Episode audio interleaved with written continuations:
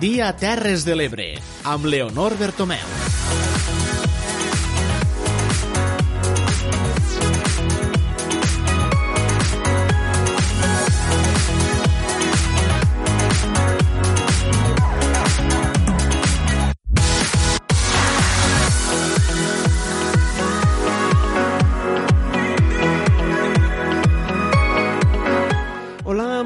Us donem la benvinguda al Dia Terres de l'Ebre. Estem a dimarts 24 de gener i avui al programa repassarem els darrers decomissos de narcollanxes al nostre territori, ja que en dos anys n'han intervingut un total de sis al Delta de l'Ebre. També els explicarem que el Consorci d'Aigües de Tarragona ha iniciat una actuació d'urgència a la canonada principal a la Mella de Mar pel mal estat de la conducció. En parlarem a l'informatiu i després, a l'espai de l'entrevista, conversarem amb el regidor de Ciutadans a l'Ajuntament de Tortosa, Miquel Albacar, ja que ha entrat a formar part del Consell General del partit en el marc de la sisena Assemblea General de Ciutadans celebrada ara fa uns dies. I a la segona hora de programa, avui a la secció de Poble en Poble, els parlarem de les activitats previstes en guany al Museu de la Pauma de Mas de Barberans i tancarem el programa amb l'entrevista biogràfica avui en conversa amb Montse Castellà, una de les cantautores ebrenques codinenques més conegudes.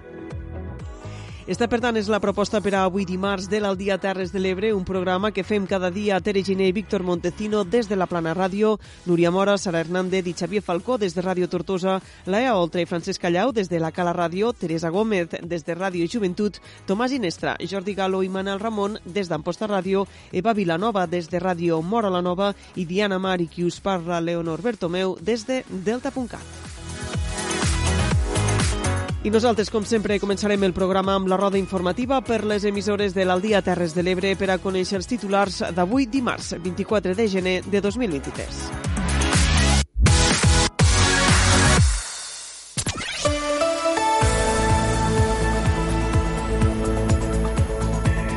Comencem roda informativa. El Consorci d'Aigües de Tarragona fa una actuació d'urgència a la canonada principal a la Mella de Mar, la Cala Ràdio. Francesc Callau. El Consorci d'Aigües de Tarragona ha iniciat una actuació d'urgència a un tram en mal estat de la canonada principal al seu pas per la Mella de Mar. Davant l'actuació i per prevenció, l'Ajuntament ha tallat la circulació de vehicles i vianants a dos accessos principals a la zona esportiva municipal i el trànsit de vehicles al carrer Major, direcció al Mercat de Pujada. També els explicarem avui que la Guàrdia Civil ha decomissat fins a sis narcollanxes a la costa de l'Ebre entre els anys 2021 i 2022. Cinc s'han localitzat a Deltebre i una altra a Amposta en el marc de diferents operatius policials que han torpedinat les organitzacions criminals assentades al territori, algunes des de feia 30 anys. Més qüestions. L'Ajuntament d'Amposta ha fet balanç del funcionament del Centre de Tecnificació Esportiva a la capital del Montsià. Amposta Ràdio, Manel Ramon. Balanç positiu del Centre de Tecnificació de les Terres de l'Ebre Amposta, més de 900 persones, tots ells esportistes de nivell internacional, van passar per aquest centre de tecnificació durant l'any passat. Un total de 23 països van estar representats en els esportistes que venen a preparar-se en aquest centre esportiu de les Terres de l'Ebre, punt de referència a la demarcació de Tarragona. També s'ha fet un balanç positiu dels resultats econòmics. També els explicarem que arriben noves al·legacions contra l'avaluació d'impacte ambiental de la planta de compostatge de Santa Bàrbara, la plana ràdio, Víctor Montecino Valls. Membres d'Amebesada han revisat l'estudi per l'avaluació d'impacte ambiental ordinària del projecte de la planta de compostatge de compost i han entrat ja la primera tanda d'al·legacions a l'Ajuntament de Santa Bàrbara. Recordem que l'empresa en va presentar un informe simplificat i la ponència ambiental va reclamar l'avaluació ordinària a la qual ara es presenten aquestes al·legacions. Benifallet ha tancat el 2022 amb prop de 38.000 visites a les Coves Meravelles i a El Llagut. Ens ho explica des de Ràdio Tortosa Sara Hernández. El principal atractiu turístic de Benifallet, les Coves Meravelles, situa el municipi com una de les destinacions escollides per part del turisme que visita les Terres de l'Ebre. Juntament amb el llagut han rebut gairebé 38.000 visites durant el 2022. El balanç va més enllà i confirma la desestacionalització del turisme, ja que els visitants es reparteixen durant tot l'any. Davant aquest canvi, l'Ajuntament ha decidit remodelar el departament turístic per donar servei durant tot l'any i potenciar la resta d'atractius turístics com el poblat ibèric. Anem ara fins a Delta.cat. Un total de 231 infants i joves de l'Ampolla es beneficien de les subvencions i ajuts escolars que atorga l'Ajuntament de la població. Diana Mar. L'Ajuntament de l'Ampolla ha destinat aquest curs 2022-2023 gairebé 20.000 euros en ajudes i subvencions a l'alumnat del municipi. Els ajuts van destinats a l'adquisició de llibres i material de suport informàtic, però el consistori també ha subvencionat el cost del transport dels alumnes de batxillerat que s'han de desplaçar fins a l'Institut de Camarles. Seguim en roda informativa. Irene Porta s'ha convertit en concursant d'Objectiu Paqui 3 i serà la representant de les Terres de l'Ebre i de Canal T al talent show de les televisions locals de la xarxa. Eva Vilanova. La jove de 19 anys filla de Mora d'Ebre, ha aconseguit una plaça com a concursant a la tercera edició d'Objectiu Paqui, a la gran final dels càstings que es va celebrar el passat dissabte en la que només han quedat 10 cantants que han entrat de ple al concurs. I avui també els parlarem de l'oferta cultural per a l'any 2023 del Museu de la Mar de l'Ebre, Teresa Gómez. La programació cultural de la Ràpita inclou exposicions temporals d'art, fotografia, patrimoni, el cicle de conferències Història de la Mar de l'Ebre, activitats per celebrar les festivitats, visites teatralitzades, entre altres opcions. Aquestes són algunes de les notícies que tractarem avui en temps d'informatiu, així que entrem ja en matèria al dia Terres de l'Ebre.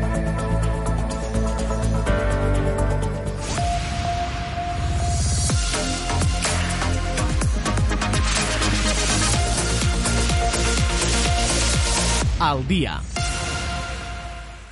Una del migdia, 11 minuts. Comencem aquí l'informatiu de l'Aldia Terres de l'Ebre. Fins a sis narcollanxes han estat decomissades per la Guàrdia Civil en els darrers dos anys a la costa de l'Ebre en el marc de diferents operatius policials que han permès constatar que des de fa uns anys les organitzacions criminals han canviat el mode d'operar i entren la droga per mar des del nord d'Àfrica fugint de la pressió policial del sud de la península. Es tracta d'embarcacions d'entre 12 i 14 metres d'eslora amb fins a tres motors i una potència d'entre 300 i 400 cavalls.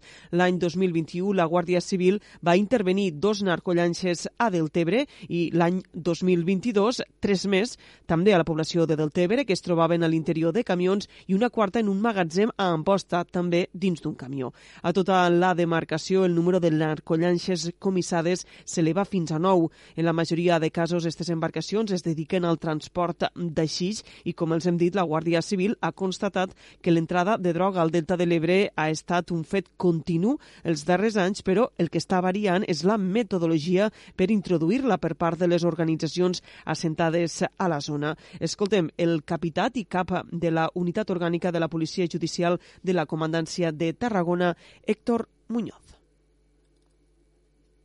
La entrada de drogas eh, consideramos que siempre ha sido continua, lo que está variando quizás es la metodología para, para introducirla. Las organizaciones que tenemos en la zona del Ebro se encuentran asentadas desde hace muchísimos años y lo que ha habido es un cambio de modus operandi que en vez de introducir mediante la embarcación hasta la costa de Andalucía y transportar por carretera hasta la zona de Cataluña, están llegando las embarcaciones ya de forma directa hasta la zona de Cataluña. Els operatius eh, policials han permès torpedinar les organitzacions criminals assentades al territori, algunes des de feia més de 30 anys. En els diferents operatius s'ha decomissat a prop de 10 tones de xix i el número de detinguts ascendeix fins a 62 persones. Canviem ara de qüestió, anem fins a la Mella de Mar, ja que el Consorci d'Aigües de Tarragona ha iniciat una actuació d'urgència a un tram en mal estat de la canonada principal al seu pas per la Mella de Mar. Davant l'actuació i per prevenció, l'Ajuntament de la població ha tallat la circulació de vehicles i vianants a dos accessos principals a la zona esportiva municipal i el trànsit de vehicles al carrer Major, direcció al Mercat. Ens ho explica en la següent informació des de la Cala Ràdio, Francesc Callau. Gràcies a la fibra òptica instal·lada recentment al llarg de la canonada principal, el CAT ha pogut detectar aquest tram malmès, situat concretament a la zona de la comissaria dels Mossos d'Esquadra.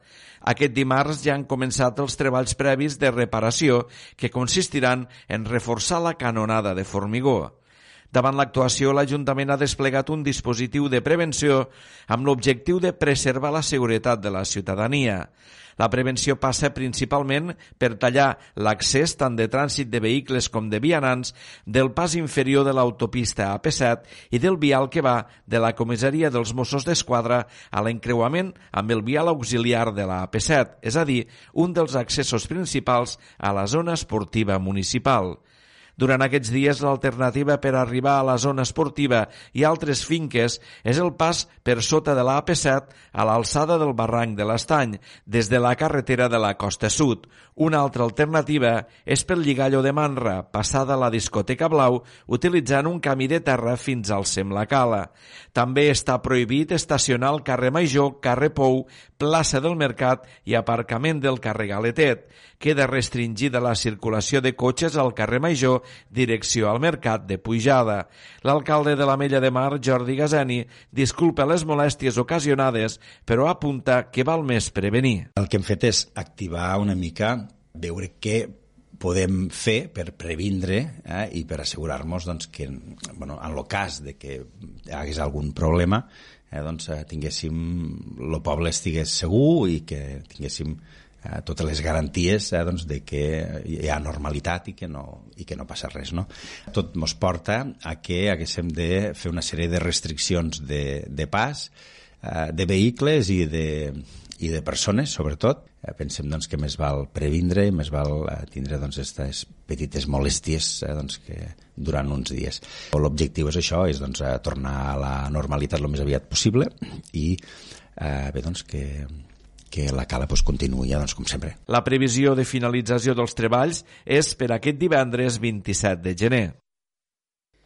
Més qüestions amb l'objectiu d'ampliar l'oferta universitària que s'imparteix a Tortosa. L'alcaldessa de la ciutat, Meritxell Roger, s'ha reunit amb el conseller d'Universitats, Joaquim Nadal, per implantar els estudis de Medicina a la ciutat. Una trobada positiva i que es produeix pocs dies després de la visita del conseller de Salut, on va refermar el compromís del govern de la Generalitat per la construcció del nou hospital de referència a les Terres de l'Ebre. És una crònica des de Ràdio Tortosa de Sara Hernández.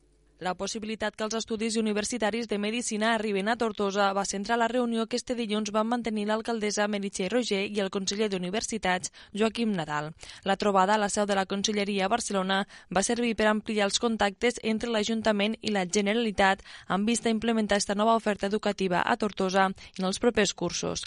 Ha sigut la primera reunió presencial entre l'alcaldessa Roger i el conseller Nadal i continua les converses que ja s'havien iniciat mesos enrere amb els anteriors titulars d'universitats necessitats per a treballar en aquest objectiu. La conversa entre l'alcaldessa i el conseller va servir per comprovar la plena sintonia que mantenen les dues institucions al voltant d'esta possibilitat que suposaria l'ampliació de l'oferta formativa existent. La reunió es produeix pocs dies després que l'alcaldessa Meritxell Roger també tractés la qüestió amb el conseller de Salut de la Generalitat, Manel Balcells, en el decurs de la reunió que va mantindre divendres passat a Tortosa. Una conversa que també va mostrar la complicitat plena entre l'Ajuntament i Salut pel que fa a la dignitat necessitat d'implantar els estudis de medicina a Tortosa, potenciant també d'esta manera els equipaments sanitaris de la ciutat. Més qüestions. L'Ajuntament d'Amposta ha fet balanç del funcionament del Centre de Tecnificació Esportiva a la capital del Montsià. Uns resultats econòmics que han crescut en un 57% en els darrers 7 anys i que ha rebut al 2022 900 esportistes de fins a 23 nacionalitats diferents. El centre espera superar els registres aquest any 2023. Ens ho explica des d'Amposta Ràdio Manel Ramon. En referència al rendiment econòmic, l'alcalde d'Amposta ha recordat que no s'ha parat de créixer des del 2015. En aquell any es van tenir uns ingressos de 164.000 euros i el 2022 ha estat de 257.000, amb un creixement del 57%, tal com explicava Adam Tomàs. Aquí escoltem. Eh, el 2015 vam tenir eh, uns ingressos de 164.000 euros i han fet balanç tancant el 2022 en 257.000 euros. Això és un 57% més i, i sense pujar quotes, és a dir, la, les ordenances fiscals eh, pel que fa al centre de tecnificació esportiva són les mateixes. Per tant, aquest increment econòmic està vinculat eh, estrictament i exclusivament a l'increment d'activitat que s'ha desenvolupat. Per la seva part, la regidora de Promoció i Turisme Esportiu, Iris Castella, feia referència als 900 esportistes de 23 nacionalitats diferents que s'han acollit en aquest centre de tecnificació per realitzar el seu preparament. En el capítol de previsions per enguanya hi ha optimisme en millorar totes aquestes marques. Cal tenir en compte que just a finals d'aquest mes l'estat l'esgrima serà l'escenari d'una concentració internacional amb més de 80 tiradors i tiradores que prepararan la Copa del Món de Barcelona. Anem ara fins a la Plana Ràdio. Membres d'AME Besava, d'esta Associació Mediambiental de Santa Bàrbara, han revisat l'estudi per a l'avaluació d'impacte ambiental ordinària del projecte de la planta de compostatge de compost i han entrat la primera tanda d'al·legacions a l'Ajuntament de Santa Bàrbara. Ens ho explica des de la Plana Ràdio Víctor Montecino Valls. L'Ajuntament de Santa Bàrbara rebia poques setmanes abans d'acabar l'any l'avaluació d'impacte ambiental ordinària que la ponència ambiental del Departament de Medi Ambient i Sostenibilitat va exigir a l'empresa Ecompost de l'Ebre que vol ubicar una planta de compostatge a Santa Bàrbara. Obert el període d'exposició pública i amb la incansable revisió de l'entitat mediambiental Amebesava, alguns membres ja han presentat les primeres al·legacions, com ja ens avançava l'alcalde Antonio Olles. L'associació mediambiental han mirat l'estudi i tenen un tècnic que les prepararà pues, les al·legacions que creuen que per allí se pot eh, incidir i posar pues, eh, com se ve dient, pues, pals a les rodes. Clar, com hi ha punts nous eh, que s'inclouen en este nou estudi, l'estudi de los gasos invernacles, eh, la, di la dispersió de les olors, un estudi de dispersió uh -huh. d'olors, per totes aquestes novetats que hi ha, eh, se poden presentar noves al·legacions. Al·legacions a un estudi que, tot i que l'ha fet una empresa diferent de la primera, és un cal del primer, segons explicava el membre d'Almebesava, Lluc Roig Cardona. Que resulta que és un copiar i pegar. La llei empara a l'empresa de que pot agafar molta informació de, de l'avaluació la, de d'impacte ambiental ordin, eh, ordinària, perdona, no simplificada, uh -huh i la pot passar a l'ordinària, ¿vale? Te ho diré senzillament, és absolutament la mateixa però en dibuixos nous. Però no fiquen cap informació de, de, de, lo que també mos, mos, mos, eh, mos deixa una miqueta que, que desitjar de, del, del, dels enginyers que han fet això, és que resulta que el tema de, sobretot en lo de l'impacte odorífic, resulta que agafen eh, la rosa dels vents l'agafen de l'estació meteorològica de Roquetes, clar, de l'Observatori de l'Ebre. A veure, senyors, crec que al Mas de Barberans n'hi ha una d'homologada, és la que sí que mos, mos, mos, mos regix a nosaltres les direccions dels vents, simplement el vent de dalt, el vent que tenim predominant aquí, vale? de nord-nord-est, nord-nord-oest, nord-oest, el que bufa a Roquetes no mos afecta aquí. Aquí mos afecta el que bufa des de Mas de Barberans. Unes al·legacions que compten amb el suport del tècnic ambiental Joan Conill de Besa, qui es va oferir amb una petició de roig a que tots els partits polítics de l'Ajuntament secundessen aquestes al·legacions. El termini per presentar-les acaba el 27 de gener. Seguim ara amb més eh, qüestions. Eh, Benifallet ha tancat el 2022 amb prop de 38.000 visites a les coves Meravelles i el Llagut, però el balanç turístic va encara més enllà i confirma la desestacionalització del turisme, ja que els visitants es reparteixen durant tot l'any. Davant d'este canvi, l'Ajuntament ha decidit remodelar el departament turístic i potenciar la resta d'atractius turístics del municipi. Ens ho explica des de Ràdio Tortosa de nou Sara Hernández. Les coves meravelles de Benifallet tornen a estar obertes al públic després de tancar el 2022 amb un alt nombre de visites i de rebre el Premi a l'Excel·lència Turística per part de l'Associació de Coves Turístiques d'Espanya. Juntament amb el llagut de Benifallet, durant l'any passat es van registrar prop de 38.000 visitants, dels quals un 70% era turisme nacional i la resta estranger. Des de l'Ajuntament asseguren que el balanç és més que positiu i que l'objectiu és continuar la línia iniciada ara fa dos anys amb la campanya Benifallet Cor de l'Ebre que promou el turisme al municipi però també al conjunt de les Terres de l'Ebre. Un altre dels punts claus de la campanya és la desestacionalització del turisme i potenciar aquesta tendència, ja que durant les darreres temporades es registren visitants més enllà de l'estiu i Setmana Santa. Per aquest motiu, la regidora de Turisme de Benifallet, Sílvia Folquer, detalla que és fonamental donar a conèixer altres espais emblemàtics del municipi, com la Via Verda, el conjunt eremític de Cardó o el poblat ibèric del Castellot de la Roca Roja. Que l'any turístic és a Benifallet una oferta oferta tot l'any. Eh, no només des del punt de vista de coves i llagut, sinó també per tot allò vinculat al riu, amb l'empresa Beni Emocions, amb la Via Verda, amb el poblat ibèric del Castellot de la Roca Roja, on precisament eh, s'hi ha actuat ara des del punt de vista arqueològic per fer una sèrie de restauracions, però també per adaptar-lo encara més a la visita al públic, o, per exemple, tot el que és el senderisme vinculat al GR7, al GR99 o a la Vall de Cardó tot això amb tota la nostra oferta gastronòmica i també per tots els allotjaments, així com totes aquelles ofertes que podrien anar vinculades al patrimoni, com podria ser l'església i l'ermita, que són dos dels punts que nosaltres ens agradaria eh, explorar per tal que es pogués d'alguna manera també visitar. Per potenciar la desestacionalització, l'Ajuntament de Benifallet ha apostat per invertir i renovar el departament turístic ampliant l'horari de l'oficina de turisme i contractant una tècnica de turisme. Ho explica la regidora de turisme de Benifallet, Sílvia Folquer. Eh, que d'alguna manera posarà en valor eh, treballarà el conjunt de tota aquesta oferta que tenim al nostre poble i la redimensionarà i ho farà des d'un punt de vista més professional, més ampli i amb la voluntat, sobretot, d'agrupar els diferents sectors i treballar tots conjuntament eh, pel bé del municipi, sobretot amb aquest objectiu que he dit abans, eh, en la voluntat de que des de Benifallet es promocioni també no només el nostre poble, que es promocioni també tot el conjunt de les Terres de l'Ebre. D'altra banda, el llagut tornarà a posar-se en marxa a mitjans del mes de març. I ara els expliquem que l'Ajuntament de l'Ampolla ha destinat este curs 2022-2023 gairebé 20.000 euros en ajudes i subvencions a l'alumnat del municipi. Els ajuts van destinats a l'adquisició de llibres i material de suport informàtic, però el consistori també ha subvencionat el cost del transport dels alumnes de batxillerat que s'han de desplaçar fins a l'Institut de Camarles. Ens ho ha explicat des de Delta.cat Diana Mar. Un total de 231 infants i joves de l'Ampolla s'han beneficiat de les subvencions escolars que ha atorgat l'Ajuntament per al curs 2022-2023.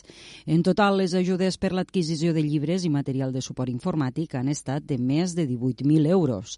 Les persones beneficiàries han estat alumnes d'infantil, de primària, de secundària i estudiants de batxillerat i de cicles formatius empadronats a l'Ampolla i que estan cursant els estudis a qualsevol centre públic o concertat de la demarcació de Tarragona. La quantitat varia segons el curs que estan duent a terme, així ho explicava Gemma Cavaller, regidora d'Educació a l'Ajuntament. L'escoltem. La quantitat varia en funció de, del, del curs que, que estan duent a terme i també val a dir que els, aquest import s'ha incrementat fins un 20 i un 30% més per a aquelles famílies nombroses o monoparentals o aquelles que tenen la categoria de famílies nombroses o monoparentals especials. També voler destacar que l'Ajuntament de l'Ampolla assumeix el cost del transport escolar dels alumnes que cursen batxillerat a l'Institut de Camarles, ja que com es tracta d'una formació que no és obligatòria, doncs aquesta despesa hauria de córrer a càrrec de les famílies. En aquest cas, el consistori ha destinat 2.904 euros per sufragar el transport dels 16 alumnes que cursen el batxillerat aquest curs en aquest centre escolar. Seguim amb més qüestions a l'Aldia Terres de l'Ebre. Irene Porta s'ha convertit en concursant d'Objectiu Paqui 3 i serà, per tant, la representant de Canal i de les Terres de l'Ebre al talent show de les televisions locals de la xarxa. Ens ho explica des de Ràdio Mora la Nova la companya Eva Vilanova. Aquests 10 concursants seleccionats, en els que s'inclou la Irene, hauran de mostrar en les properes setmanes les seves capacitats musicals a les diferents gales temàtiques proposades pel programa. Els joves aniran interpretant diferents peces per tal de mantenir la seva participació que dependrà de la salvació del jurat i dels vots del públic. La Irene i els seus companys prepararan les maletes aquest divendres per viatjar a Cardedeu, municipi on s'enregistra el programa i on es farà les estades durant els caps de setmana que duri el concurs. Allí es dedicaran a rebre formació musical i també realitzaran les gales en directe. Tot això ho podrem veure cada dissabte a les 10 de la nit al canal Terres de l'Ebre. El proper ja la podrem veure realitzar les classes de formació i convivint amb els seus companys i professors.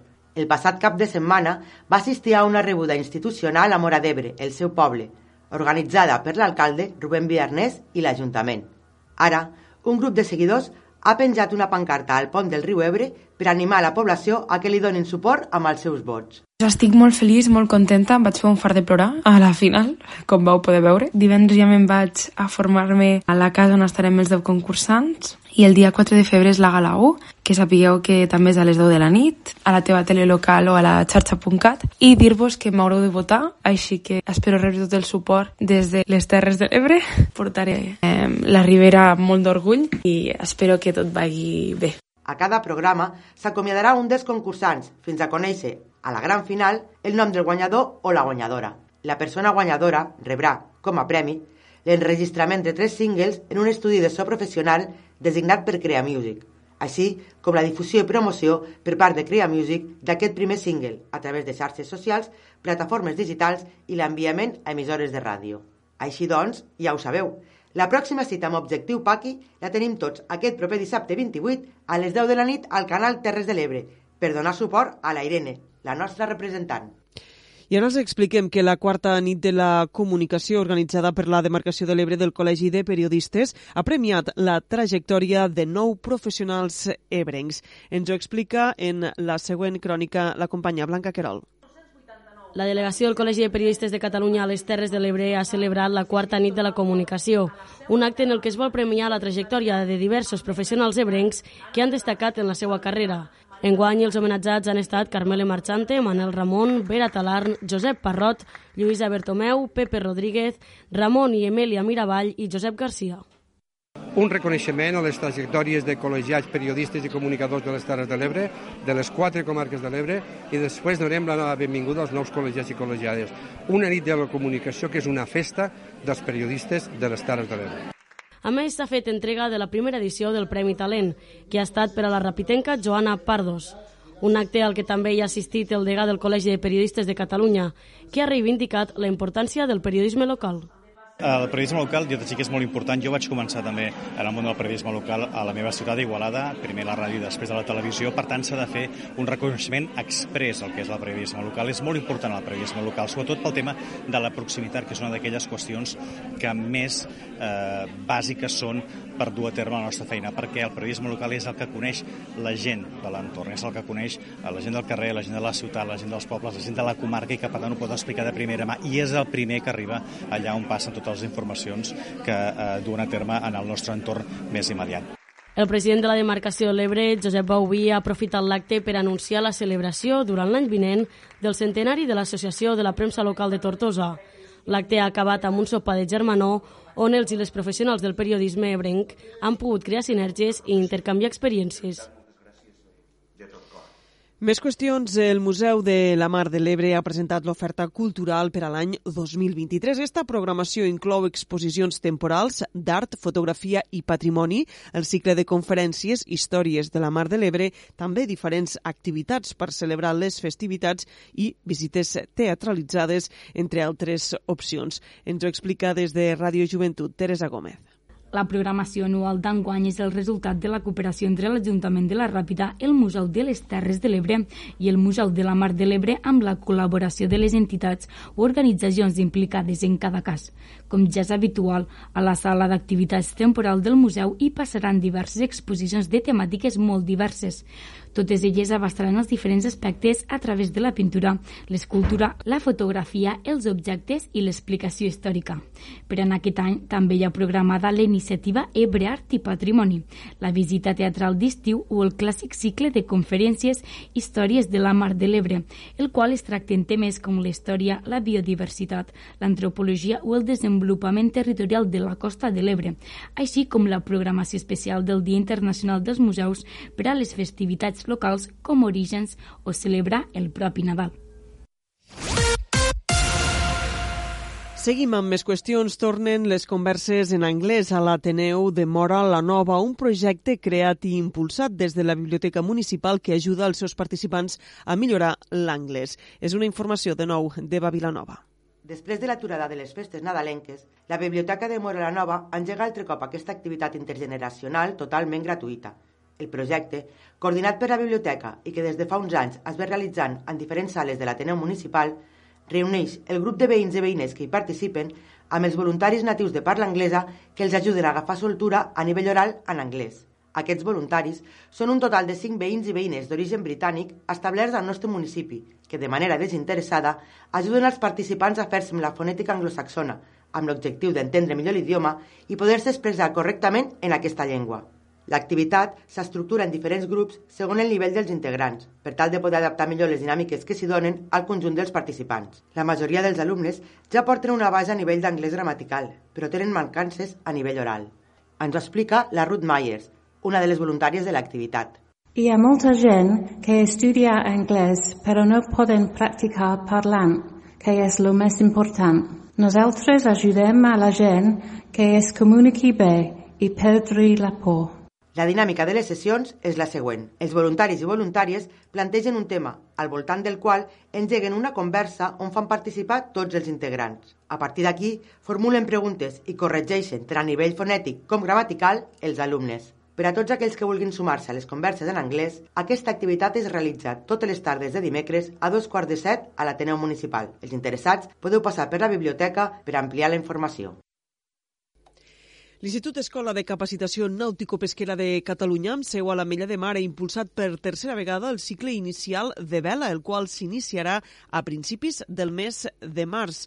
La Cala Ràdio, Francesc Callau. La matriculació al cicle s'obrirà el 25 de febrer fins al 3 de març a la secretaria del centre.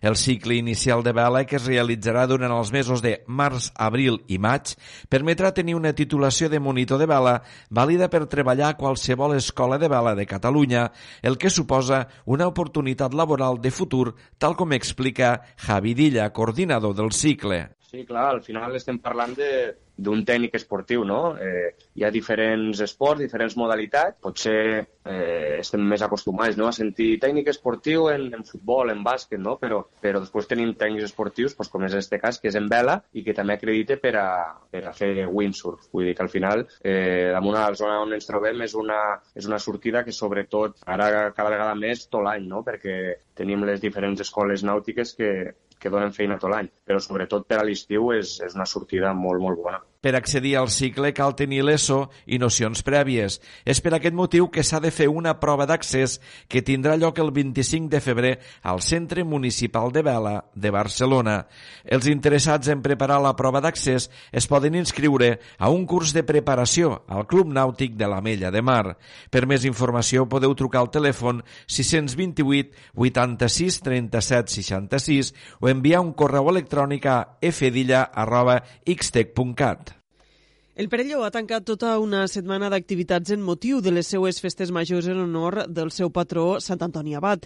Uns dies que han servit a veïns i veïnes per gaudir d'activitats culturals i de retrobaments després de la pandèmia. Una festivitat, la de Sant Antoni, que també s'ha viscut a poblacions com Mora d'Ebre i el Mas de Barberans, o també Roquetes, Jesús, La Ràpita o Alcanà, entre d'altres. Per cert que Alcanà han pogut també tornar a gaudir del tradicional ball de Sant Antoni. És una crònica de nou nou de Blanca Querol. Aquest cap de setmana el Perelló ha acabat les festes majors en honor al seu patró, Sant Antoni Abat. Al llarg de la setmana, perellonencs i perellonenques han pogut gaudir de diferents activitats lúdiques, gastronòmiques i culturals, com ara l'entrega de premis del 40è concurs literari de Sant Antoni. Un acte on, a més, es va donar un premi especial de recerca d'història local. Fa 40 anys d'este concurs, unes concurs, un concurs, dona premis del concurs literari, dic, i fent un esmorzar de família, un acte molt concorregut i dels principals de les nostres festes majors. L'Ajuntament del Perelló fa moltíssims anys que aposta per la cultura i ho continuarem fent. És molt important. La cultura és el futur de la gent. Un altre dels municipis que des de fa anys es suma a aquesta celebració és el Canà, on després de dos anys de pandèmia, canareus i canareves han pogut tornar a ballar la tradicional Jota Vella, o també anomenat Ball de Sant Antoni, un acte que ha estat amenitzat per l'agrupació musical canareva. Sí, a veure, el ritme i el ball és molt bonic, també els mantons, com anem tots vestits, tota la gent del poble se, se, se reuneix no, per aquest acte i pues, és molt bonic, tant, tant el ball tant com, pues com ens reunim tots, no? Bueno, durant la cercavila toquem passodobles, que són a lliure elecció de la banda, i després sí, per al ball hi ha dos jotes, la jota nova i la jota vella. La jota vella és la tradicional de tota la vida que s'ha tocat, i la jota nova se va estrenar fa, no et sabria dir si 4 o 5 anys, i des de llavors se toquen les dues jotes juntes. A més d'aquests actes destacats, la majoria de poblacions de les Terres de l'Ebre també han dut a terme la benedicció dels animals.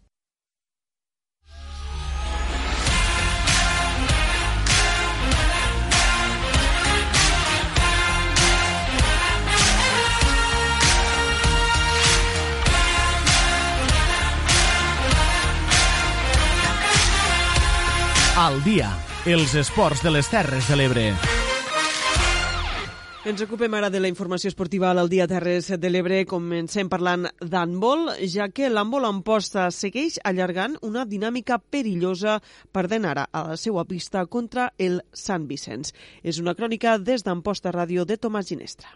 El sènior femení del club vol Amposta continua sense reaccionar i situat en la zona conflictiva de la taula classificatòria, després de la derrota en la setzena jornada al seu pavelló contra el Sant Vicenç, dirigit per l'extècnic de l'Escó, Pau Lanceta. L'equip ampostí acumula nou partits sense conèixer la victòria, en les que tan sols ha sumat un punt. El partit va començar amb un clar predomini de les defenses, sobretot la del conjunt visitant. L'equip ampostí tenia veritables problemes per superar la tanca defensiva i la portera rival final i al minut 11 les locals només havien pogut marcar un gol.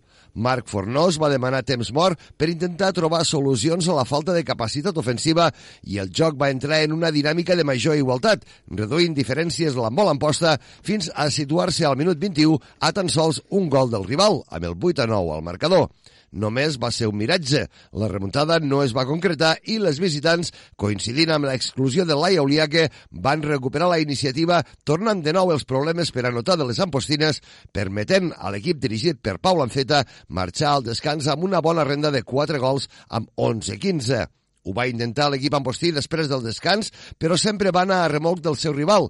No podem rebaixar en cap moment els tres gols de desavantatge. La situació es va complicar més encara quan es van agreujar els problemes en atac i l'equip Ambostí, a partir del minut 2, va estar sense marcar fins a 10 minuts, encaixant quatre gols del seu rival per deixar el marcador amb un més que preocupant 13-20. Després, el partit va estar més igualat, però sense possibilitats per part de la molt amposta de poder apropar-se al marcador i recuperar les opcions de poder puntuar. L'embol Sant Vicenç va saber gestionar i mantenir el seu avantatge i en els darrers minuts les jugadores ampostines només van poder maquillar una mica el marcador però sense opcions. La propera jornada la jugaran dissabte a dos quarts de cinc a la pista del Joventut Mataró, un altre dels equips situat a la part alta de la classificació. Parlem ara de futbol. Nou empat del Santa Bàrbara en esta ocasió a 0 contra el veí Mas d'Enverge. Un resultat que el manté a la novena posició de la taula classificatòria amb els ulls posats ja en la pròxima cita contra el Perelló, l'últim partit d'esta primera volta a la tercera catalana. Ens informa des de la plana ràdio César Roig podem dir que va ser un partit de rivalitat on va acabar sense gols, en una tarda de gran ambient de futbol. I també es van poder veure jugades polèmiques, com el gol anul·lat al Santa, a la minut 65 per Amado, i expulsions, com la de Sergi, per protestar la decisió arbitral que sens dubte va marcar la recta final del partit. La propera jornada, l'última de la primera volta, el Santa es desplaça al camp del Pirelló. Partit difícil, però que pot ser una bona oportunitat per a poder aconseguir un resultat positiu i mantindre's amb aquesta posició o inclús millorar l'actual classificació. El juvenil, tretzena jornada, Santa Bàrbara 0, Ebre Escola 3. Malgrat la derrota, el Santa continua a la quarta posició. La propera setmana es desplacen al camp de la Rapitenca. En categoria infantil, dotzena jornada, Jesús i Maria 1, Santa Bàrbara 3. Gran victòria de l'equip planer que es manté a la quarta posició. La propera setmana es desplaça al camp de l'Amposta B. En categoria de veterans, Canareu 4, Santa Bàrbara 6 i en femení futbol 7, la Plana Santa Bàrbara 1 l'acaba a 10. Seguim encara en futbol, ja que el filial de la Mella de Mar va tornar a temps passats i va perdre per 6 gols a 0 al camp de l'Alcana, trencant així una ratxa de 3 partits consecutius amb victòria. És una crònica des de la Cala Ràdio de Francesc Callau. Els de l'Ametlla de Mar van encaixar el primer gol en el primer minut de partit i tot i que van mantenir aquest marcador fins poc abans del descans, els últims 20 minuts de la segona part van ser catastròfics, ja que els caleros van encaixar 4 gols. Jordi Subirats, entrenador del filial, considera que a l'equip li manca definir millor a partir de tres quarts de camp. Sí que és cert que, claro, quan als 30 segons te fan 1 a 0 i ja veiem al calentament que, que no, acostum... no ens adaptàvem a, a la, al camp, no? Les pilotes estàvem... A més, eren pilotes velles, no, no, el camp estava molt dur, patinàvem molt, però l'equip se torna a reposar del, del, gol, del gol inicial, com ha passat moltes vegades, i jo crec que la primera part eh, no és dolenta, però sí que és veritat que, que hem de millorar, sobretot, el que diem també igual al principi de temporada, no? Que ara últimament estàvem fent-ho bé, que era la, la, la zona de tres quarts cap avant, en les últimes ocasions, eh, l'última passada o la definició, no? I esta setmana pues, vam tornar a picar. Tretzena posició pels de la Mella de Mar, que trencaven la ratxa de tres partits seguits amb victòria. La resta dels resultats al grup 20 de la quarta catalana van ser els següents. Tivenys 2, Jesús i Maria C2, la Cava B2, Ginesta 3, Gandesa B2, Camarles B4, Amposta B6, La Galera 1, Jesús Catalònia B5, La Fatarella 1, Pinell 4, Sant Jaume 0 i Olímpic Mora d'Ebre 0, Aldeana B 1. La classificació està encapçalada pel Pinell, que té 34 punts, seguit de Camarles B amb 31, Jesús Catalònia B amb 28, Amposta B 27, Gandesa B 26, Ginestà 25, Tivenys, Alcanar i la Fatarella 22 punts, Jesús Catalònia C 18, Olímpic Mora d'Ebre 15, la Cava B i la Mella de Mar B 12, Aldeana B 11 i tanquen la classificació el Sant Jaume d'Enveja amb 5 i la Galera amb 4 punts.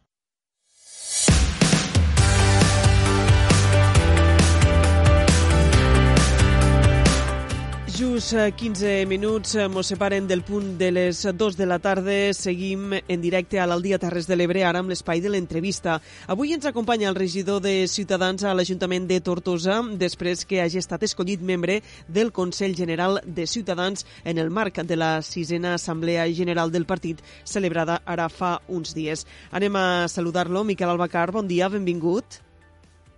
Hola, molt bon dia. Bé, en esta última Assemblea General, com hem dit, has estat escollit membre del Consell General de Ciutadans. Podem dir que la teua presència servirà per posar accent ebrenc a les polítiques de Ciutadans? Pues, bueno, sí. El, dins de, de l'Assemblea General som 125 persones que per sectors i per situacions geogràfiques eh, plasmem i diem el que diu lo que, lo, les directrius del partit per a que estiguin representats tots aquests sectors. En aquest cas en particular, eh, jo ja havia estat participant en alguna taula sectorial sobre com evolucionar el Delta l'Ebre i, les, i les polítiques que han d'emprendre ciutadans per a, eh, per a emprendre els temes relacionats amb el Delta l'Ebre i ara pues, ja entrem dins del Consell General pues, per a bueno, marcar les directrius del partit i poder donar aquesta importància que té les Terres de l'Ebre a dins de tota Espanya. Eh, com hem dit, esta sisena Assemblea General de Ciutadans es va celebrar ara fa uns dies, este cap de setmana passat, no, no l'altre, i va culminar amb tot el procés que, que s'ha dut a terme de refundació del partit. Podem dir que, que arribés en un moment en què Ciutadans es troba en, en hores baixes. Sí, bueno, dins de, com tots els partits polítics, tot té pujades i baixades. Nosaltres hem analitzat eh, els errors que s'han fet dins del partit i les decisions que s'han pres que no han sigut correctes o que no han agradat a la població i a partir del, de tot el passat, de tant els acerts com els desencerts, pues, aprendre i millorar. Sempre l'objectiu en tot és aprendre i millorar per a poder donar un millor servei a tota la ciutadania i que la ciutadania se senti contenta en el nostre partit i que nosaltres puguem donar el servei per a millorar la seva qualitat de vida. Esta nova etapa eh, es farà sota el lideratge no, d'este tàndem que, que conformen Patricia Guaspa al costat de l'eurodeputat Adrián Vázquez. Sí, jo estic especialment content en el tema de l'eurodiputat Adrián Vázquez perquè és una persona que quan vam anar en gent del, del Delta de l'Ebre, en diferents associacions, en, en diferents comunitats de regants, vam anar i mos, vam estar parlant amb Adrián Vázquez i és un perfecte coneixedor de la problemàtica del Delta de l'Ebre, de la gran regressió que hi ha i dels milions de metres quadrats que s'han perdut al Delta. Eh, llavors, ell, com a gran coneixedor del Delta, eh, també eh, aposta per mi que doni les directrius i marque els requisits per a salvar el Delta de l'Ebre i no perdre ni un pam de terra, que és el que al final eh, volem tota la gent de les Terres de l'Ebre, que no hi hagi un deslinde que faci perdre més de 100 metres a segons quines zones i que no es perdi cap part del Delta. Estic molt content perquè és una persona perfectament coneixedora que posa en valor el Delta de l'Ebre i que vol mantindre'l. Llavors, crec que és una bona decisió tant a nivell del partit per a tota Espanya com per a nivell de les Terres de l'Ebre, perquè és un gran coneixedor de les problemàtiques que tenim aquí. A nivell professional, Miquel Albacar és també un gran coneixedor del Delta de l'Ebre. Ara ens parlaves no, d'aquestes línies de, de ciutadans en defensa del Delta, per tant, alineats no, amb les tesis de, de la taula de consenses de Ciutadans? Sí, sí, nosaltres el que volem és mantindre la morfologia del Delta de l'Ebre, que veiem que no s'ha perdre res, i, i el que volem, doncs, bueno, eh, juntament amb el que diu la societat civil, intentar perdre el mínim possible i tècnicament és viable que no es pergui res, doncs anar per aquesta línia. Minimitzar les pèrdues del Delta perquè ja han perdut prou i no tenim que perdre, com que se diu sempre, no? cada bugada el llençol, però no tenim que perdre cap llençol més. El que volem és mantenir el que tenim per a poder tindre la mateixa estructura econòmica, social i ambiental, que és molt important al Delta de l'Ebre. Tornem a aquesta Assemblea General de, de Ciutadans, eh, confiat no, que aquesta, este nou rum del partit ajuda a remuntar la situació. Ara mateix les enquestes són molt negatives per a Ciutadans i per ara cap us dona este 3% necessari per entrar al Congrés dels Diputats. Bueno, nosaltres esperem que això revirtisque perquè realment a Ciutadans ha hagut molta gent que l'ha votat. Eh, aquí penseu que aquí Catalunya va ser la força més votada al 2016, quan estava Inés Arrimadas, que anava de número 1, que va treure 1.100.000 vots, i volem tornar a convèncer tota gent que som un partit de centre, que podem ajudar molt a governar i a millorar els governs existents i, i que volem en aquest sentit pues, que la gent ho, ho, pugui, ho pugui veure i pugui veure la nostra bona intenció en fer totes aquestes millores, sempre pensem que un govern, eh, sigui el que sigui, si està gent de ciutadans que vol planificar i vol millorar, serà un millor govern que si no estem, i per tant estem en aquesta labor d'intentar millorar al màxim per a donar un bon servei i que així la ciutadania ho vegi. El partit arribava també dividit a esta assemblea, este congrés creu que, que ha servit esta assemblea per a recosir eh, ciutadans? I tant, i tant. Dins del Consell General hi ha gent de diferents faccions que viuen al partit. Eh, està, per exemple, Edmundo Val, és conseller també general, igual com jo, i, i bueno, hi ha de diferents faccions del partit, s'han introduït tots dins del Consell General. Eh, doncs és una bona notícia que eh, van vindre en diferents candidatures, que en principi n'hi havia quatre, van passar el primer tall tres, després les dues més importants eren la d'Edmundo Val i la de l'Adrián Vázquez, i finalment pues, la de l'Adrián Vázquez, però unificant tot el partit i anant tots a una per a aconseguir això, un partit de centre liberal que ajude a millorar la societat de tota Espanya, de Catalunya, i en el cas particular d'aquí de les Terres de l'Ebre, pues, eh, donar el nivell de servei necessari a tots els ciutadans de les Terres de l'Ebre. La primera prova de foc serà aquestes eleccions municipals que s'han de celebrar al maig. Pues sí, nosaltres ens presentem amb molta il·lusió a Tortosa, tenim un programa, bueno, un, primer, eh, els candidats dins de la nostra llista hi ha una gent molt transversal de diferents entitats, de diferents associacions i de diferents barris i pobles de Tortosa i després, per una altra part, eh, gent molt formada que el que vol és, té molta il·lusió per a millorar Tortosa i anar endavant. Llavors tenim eh, unes expectatives molt bones per treure molt bons resultats a Tortosa, sempre l'objectiu este d'intentar millorar lo, la situació actual, ser més, més planificadors, més líders i aconseguir que les Terres de l'Ebre i Tortosa tinguin tots els serveis necessaris per a que siguéssim ciutats de primera com el que ens mereixem. Eh, vostè, per tant, té clar que, que tornarà a presentar-se, que Ciutadans té possibilitats de, de millorar els seus resultats a la ciutat de Tortosa. Eh, quina serà la clau d'estos comicis per a Ciutadans en aquestes eleccions municipals del pròxim mes de maig a Tortosa? bueno, nosaltres hem apostat molt pel nou hospital i és una cosa que reivindiquem que eh, des que vam començar l'Ajuntament vam fer mocions a l'Ajuntament de Tortosa. En aquell cas, tant eh, Esquerra Republicana com Junts per Tortosa o Junts van votar en contra d'aquesta moció. Després ho van portar-ho també al Parlament de Catalunya, que van parlar en Anna Grau, que és la diputada de Sanitat de Ciutadans, i també van portar una proposta de resolució al Parlament de Catalunya per a impulsar este nou hospital. En aquell moment també Esquerra Republicana i Junts van votar en contra. Ara, gràcies a la pressió social i també als partits que estem reclamant per activa i per passiva i a totes les instàncies este nou hospital, sembla que la cosa haguéssim aconseguit revertir-la i que aquests partits ara també estiguen per estar, almenys aparentment, o de cara a la galeria estan també per aquesta labor. Eh, per a nosaltres seria un orgull aconseguir aquest hospital i al final eh, són coses que demana la societat que la societat vol tindre un hospital a les Terres de l'Ebre per a donar un servei de primera, com ho mereixem eh, el mateix que a tota Catalunya o a tota Espanya, doncs ho tenim que tindre aquí també a les Terres de l'Ebre i, i nosaltres lluitem per això. També lluitarem doncs, a Tortosa per a millorar tots els serveis que hi ha i millorar la qualitat de vida, millorar la neteja, que hi ha molts de qüestions que estan Tortosa molt bruta i té molt de marge de millora, també millorar l'educació a la població per a que eh, siguin més conscients de que és casa seua també i s'ha de mantindre net i poder, poder limpiar-ho més.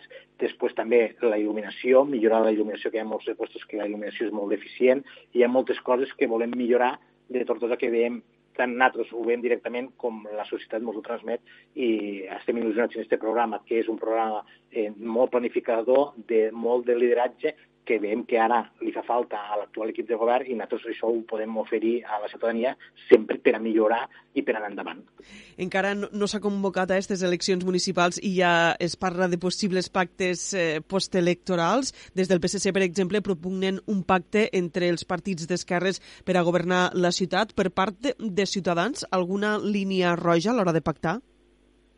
No, bueno, nosaltres tenim un programa que és per a millorar la qualitat de vida dels tortosins i millorar la qualitat de vida de totes les Terres de l'Ebre. A partir d'aquí, eh, tothom que es vulgui apuntar a aquest programa nostre i que s'ajusti al nostre programa, no tindríem cap problema en, en sumar eh, voluntats per a millorar el, el conjunt de Tortosa i millorar el conjunt de les Terres de l'Ebre. No té sentit tindre, fer apriorismes, almenys vaig del meu punt de vista, sinó que tenim que fer és aprofitar el màxim talent de tots els que es presenten. Una vegada se des de l'Ajuntament, si eh, en, un, en un equip de govern té molt coneixement sobre un tema, hi ha alguns importants, o economistes, o, o el que sigui, doncs nosaltres el que volem és sumar tot el talent i tot el coneixement i tot el que pot aportar cada un dels regidors per a fer una ciutat més forta i, que, i poder donar un millor servei als ciutadans, que és per al que estem, per a donar bon servei als ciutadans, millorar la seva qualitat de vida i millorar totes les infraestructures que tenim per a que estiguem tots millor. Eh, llavors, eh, marcar línies roges a priori me sembla eh, poc adequat. Estem a punt de tancar este mandat eh, municipal. Com, com valora sobretot aquesta dificultat no, que hi ha hagut entre bueno, d'arribar a acords entre govern i oposició? bueno, al final el govern no vol arribar a acords, perquè en la negociació dels últims pressupostos eh, nosaltres li vam proposar 10 coses per entrar al pressupost, i d'aquestes 10 n'hi havia una que era eh, guardar 500.000 euros, posar el pressupost 500.000 euros per a comprar els terrenys del nou hospital. En aquell moment l'alcaldessa va dir que era una animalada, que això no es podia fer i, i va intentar desprestigiar-me. Al cap de quatre mesos, eh, després de fer tot el número que va muntar des de l'equip de govern, de fer una moció de confiança i tota aquesta història, al cap de quatre mesos van demanar, van fer una modificació pressupostària exactament dient el que jo havia demanat en aquell moment, feia quatre mesos abans per a negociar els pressupostos. Eh, llavors, si no es posa d'acord és perquè no vol escoltar l'oposició i, i coses que acaba fent no les vol admetre en un primer moment quan li venen des de l'oposició. Llavors és una pena que tingui aquesta falta d'empatia, aquesta falta de, de, de comunicació en tota la gent de l'oposició, però bueno, és, és lo que, la situació en què està l'equip de govern municipal, ells mateix se l'han buscat, perquè més predisposició que Ciutadans que han votat sempre a favor de totes les coses que beneficien Tortosa, han, han votat a favor de modificacions pressupostàries per a poder fer infraestructures, per a poder acabar de pagar la plaça de la catedral, la plaça de l'Ajuntament. Han fet modificacions, la modificació pressupostària per a comprar els terrenys del nou hospital, evidentment van votar que sí, perquè ja ho reclamàvem en 5 o 6 mesos d'antelació directament a l'alcaldessa i en una moció 3 anys anterior, i abans al Parlament de Catalunya. Tot això que nosaltres són coses bones per a Tortosa, quan ho proposàvem nosaltres era que no, i després en el temps se veu que és que sí, perquè la pressió social és així, i, i ho acabem fent. Aquesta falta d'empatia és el que provoca que estiguem sols. Jo crec que si milloressin aquest aspecte doncs, podrien anar molt millor. Bé, doncs ho hem de deixar aquí. Li agraïm moltíssim a Miquel Albacar, regidor de Ciutadans a l'Ajuntament de Tortosa, que hagi estat avui al nostre programa. Moltíssimes gràcies. Moltes gràcies a vosaltres. Bé, i nosaltres, com sempre, amb l'espai de l'entrevista, posem el punt i final a la primera hora de l'Aldia Terres de l'Ebre. Fem ara una pausa i tornem tot seguit amb la segona hora de programa. Fins ara.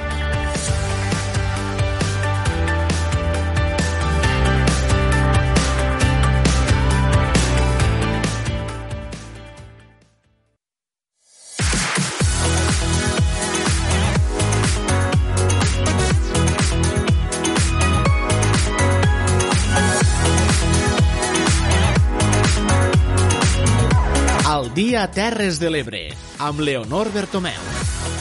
Hola, molt bona tarda. Us saludem de nou a l'Aldia Terres de l'Ebre en esta segona hora de programa d'avui dimarts 24 de gener. Avui, en esta segona hora, els ho hem dit, parlarem de les activitats previstes per enguany al Museu de la Pauma, además de Barberans. Ens en parlaran des de la Plana Ràdio a la secció de Poble en Poble. I avui dimarts tancarem el programa, com sempre, amb l'espai de l'entrevista biogràfica. Connectarem amb Ràdio Tortosa per a conèixer a fons una de les cantautores ebrenques més conegudes Montse Castella.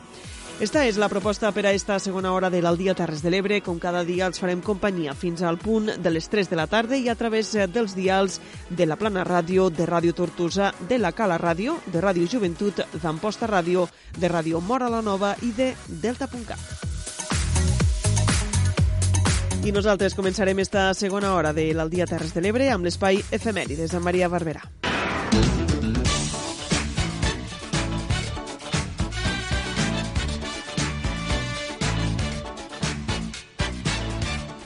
Benvingudes i benvinguts a l'espai d'efemèrides. Avui és 24 de gener, Dia Internacional de l'Educació, Dia Europeu de la Mediació i coincidint amb el dia que celebra Sant Francesc de Sales, patró dels periodistes i escriptors, Dia del Periodista. En remuntem al 1806, quan un 24 de gener Leandro Fernández de Moratín estrenava El sí de les niñas. El 24 de gener de 1941 es constitueix per llei la xarxa nacional de ferrocarrils espanyols Renfe. Al 1969, un 24 de gener, s'imposa a tota Espanya l'estat d'excepció a causa de l'agitament estudiantil sorgit després de la mort de l'estudiant Enrique Ruano. El 24 de gener de 1986, la sonda Voyager 2 de la NASA s'apropa al planeta Urà i descobreix 10 llunes fins llavors desconegudes. I el 24 de gener de 2004, la sonda Opportunity aterra sobre el planeta Mart. Ja el 2008, un 24 de gener, a la borsa espanyola, l'IBEX 35 tanca amb la pujada més gran de la seva història al guanyar un 6,95%.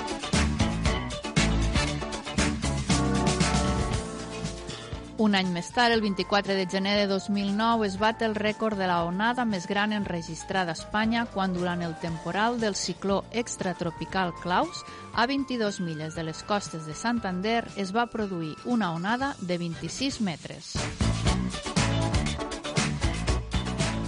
I fins aquí el repàs a les efemèrides del dia d'avui. Us desitgem que passeu una feliç jornada. A reveure!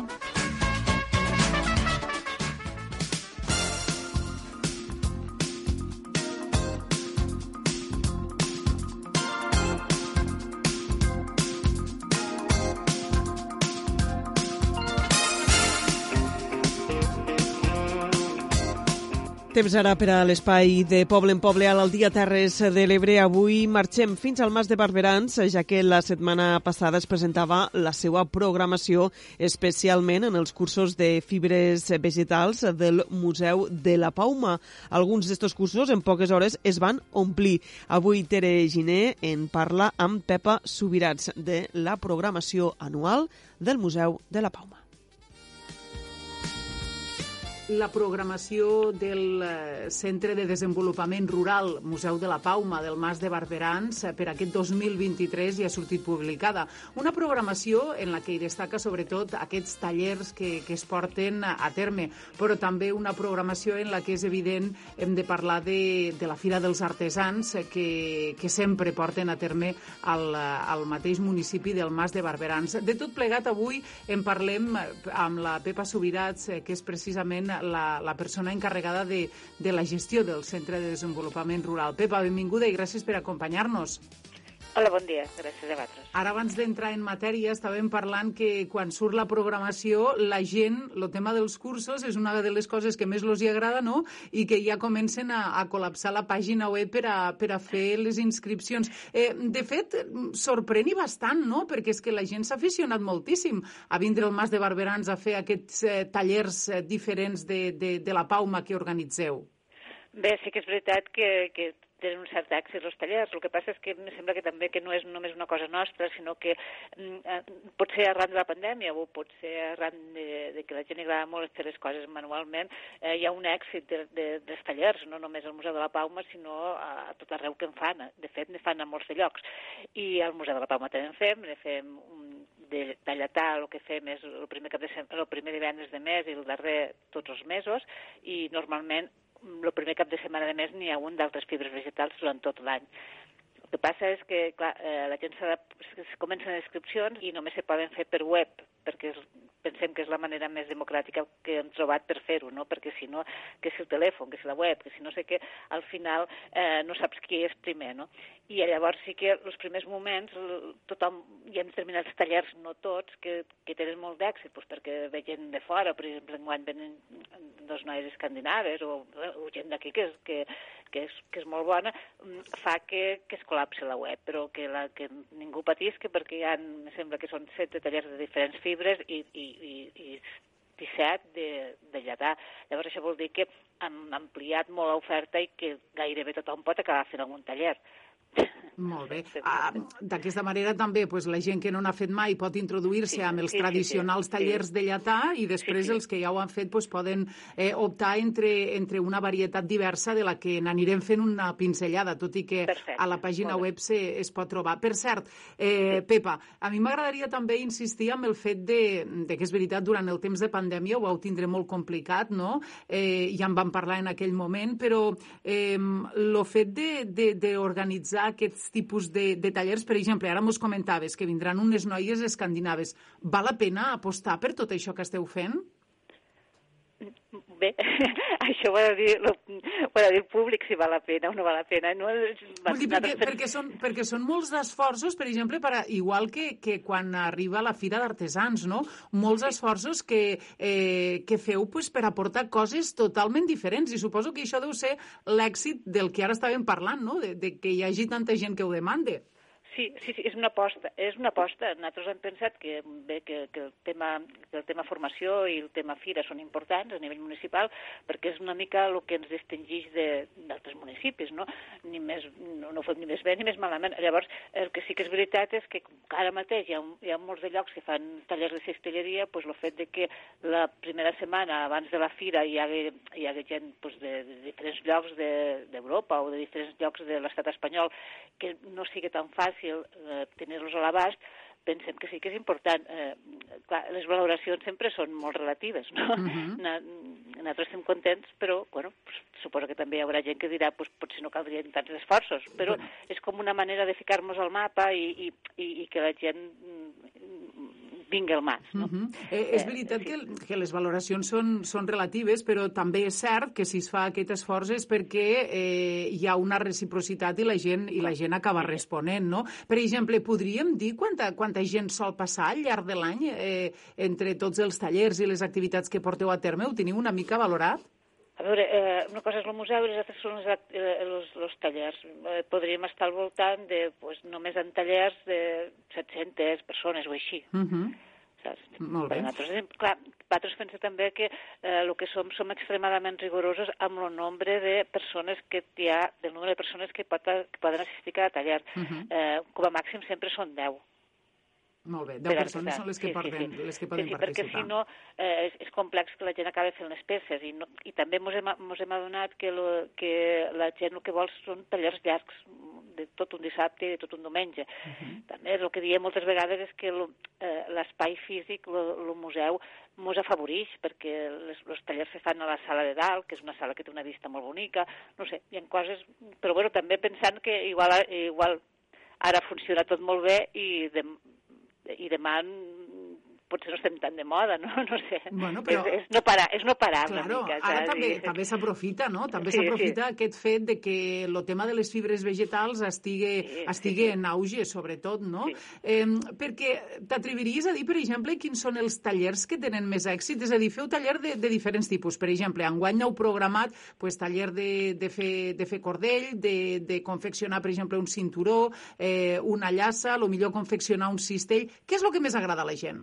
A veure, per exemple, nosaltres tenim, comencem, eh, els Ballatà, eh, que són tots els divendres, això gent ja, ja es coneix, al febrer tenim eh, un de, de Vímec per fer una làmpara, eh, al març tenim el del canyís, que este segurament desbordarà, saps? perquè Mhm. és, una, és una peça tradicional, que és com, és com se feien els canyissos tradicionalment, a més lo fa un noi jove, Pau Trepat, de Lleida, que és una persona que em sap molt, i, i me puc equivocar, eh? però suposo que este anirà a tope. Després de Setmana Santa sempre són de Palma, Ventadors, Granereta, eh, Fenines.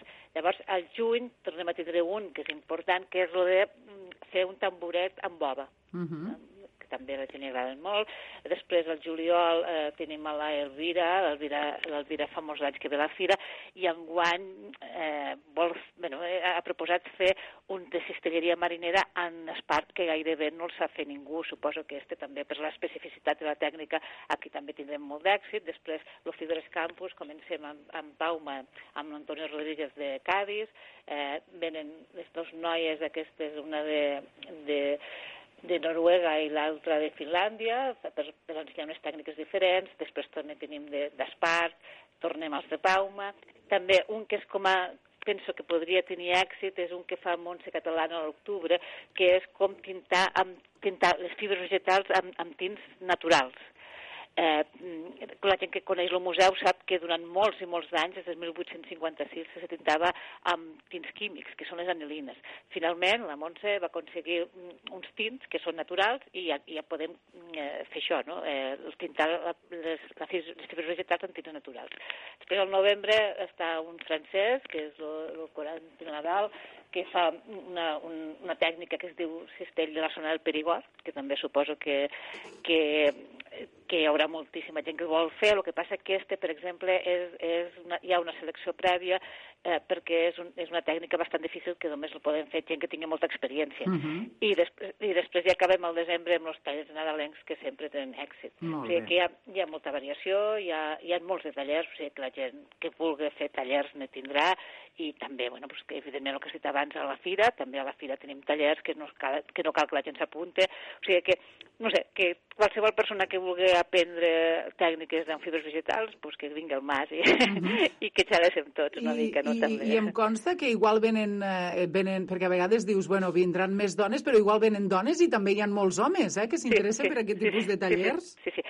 Bé, de fet, la cistelleria no és exclusiva de dones. O sigui, Mhm. mm la cistelleria de la Pauma, tot el que és el procés, sí que normalment i, i està estudiat, ho hem estudiat, i, que, que són dones, menys la NAFE Paumes, que era una activitat mm, eh, masculina, la, la resta era de dones, bàsicament. Però, per exemple, al BIMET hi ha, hi ha molts d'homes que s'hi dediquen, i que tradicionalment i actualment en unes espècies totalment contemporànies, homes i dones, o sigui que no, no estem parlant d'una exclusivitat eh, de, de gènere femení, no? Mhm. hi, ha, hi de tot. Eh, escolta'm una cosa, és, se fa difícil, per exemple, trobar aquestes fibres vegetals per a que després la gent que ho ve a aprendre ho pugui treballar des de casa? Eh, ho dic perquè de vegades hi ha fibres que també estan protegides, no? No sé si es fa complicat això. Bueno, això potser és, és, una, és, una de les coses més complicades. En Vímet no, perquè hi ha, perquè hi ha grans plantacions de Vímet, per exemple, a la zona de Cuenca, i, és, i, i, i se'n pot comprar de Vímet, és fàcil comprar-ne. Eh, l'espart també és fàcil comprar-ne, tant l'espart cru com l'espart ja rastallat, eh, ja, ja més, més suau, per dir-ho d'alguna manera, per a, per, a fer, per a fer cistells. La pauma, per exemple, això és més complicat perquè necessites un, eh, un com és una espècie protegida, necessites Mhm. un permís, però en què des del museu o d'altres llocs que fan, que, que fan cursos acredites que aquella persona ha fet uns cursos i que, i que ho fa per al seu, eh, per, perquè és artesana, eh, ja va a l'Ajuntament del poble corresponent a buscar el permís i no hi ha d'haver cap problema. Mhm. eh, però moltes vegades ens diuen i per què no veneu pauma? Mm, Saps? Perquè no, I nosaltres no podem vendre, pauma i tampoc ne podem importar del nord d'Àfrica, que és molt més barata, perquè ja no seria sos- sostenible este projecte, ja seria com aprofitar-nos de- de- d'altres zones. No? Molt bé. És un món. L'interessant és això, no? que sigui un Sí. projecte sostenible que es Clar, faci clar. amb les espècies autòctones Sí, d'aquí. sí, per sí, cert, sí, sí, sí. tens constància de, de si aquesta gent que ve als tallers, que ja fa molts d'anys que es porten a terme, han hagut no sé, eh, la creació de nous artesans. De vegades hi ha gent que ve, que comença poquet a poquet i que després diu, pues mira, m'he aficionat ara a això i, i, i, i m'he fet artesà o artesana de, de la pauma. En tens constància si per aquí n'heu tingut algun? Bueno, de fet, van, de fet hi, hi ha persones més que... Hi ha algunes persones que a nivell de disseny sí que ho han fet i, i clar, vosaltres penseu que hi ha, eh, també hi ha persones que el que fan és fer-ho per a ús propi. Eh, tot el tema venda i tot això, jo penso que, que clar, que que tot el que és el procés d'anar a fer paumes, això frena una mica, no? Mhm. Així com sí que tenim constància, molta constància de gent de, que a partir de cursos del museu i a partir de la fira, i que hi ha com molts de- d'artesans jovens del BIMET, de la Pauma, eh, hi ha el cas de la noia de, de la Gisela de Rasquera, que la Gisela que eh, no, no s'ha format aquí, sinó que s'ha format pel seu propi compte i que, que, està, que està superbé, eh, però que costa, el que costa és eh, adquirir la primera matèria. Entens? Eh, hi ha molta gent que en sap i que en fa i que inclús ne ven, però eh, lo- l'ofici, saps? Com anar a fer paumes, eh, preparar tot el material, aprendre-lo suficientment com per fer grans produccions, això costa. Molt bé.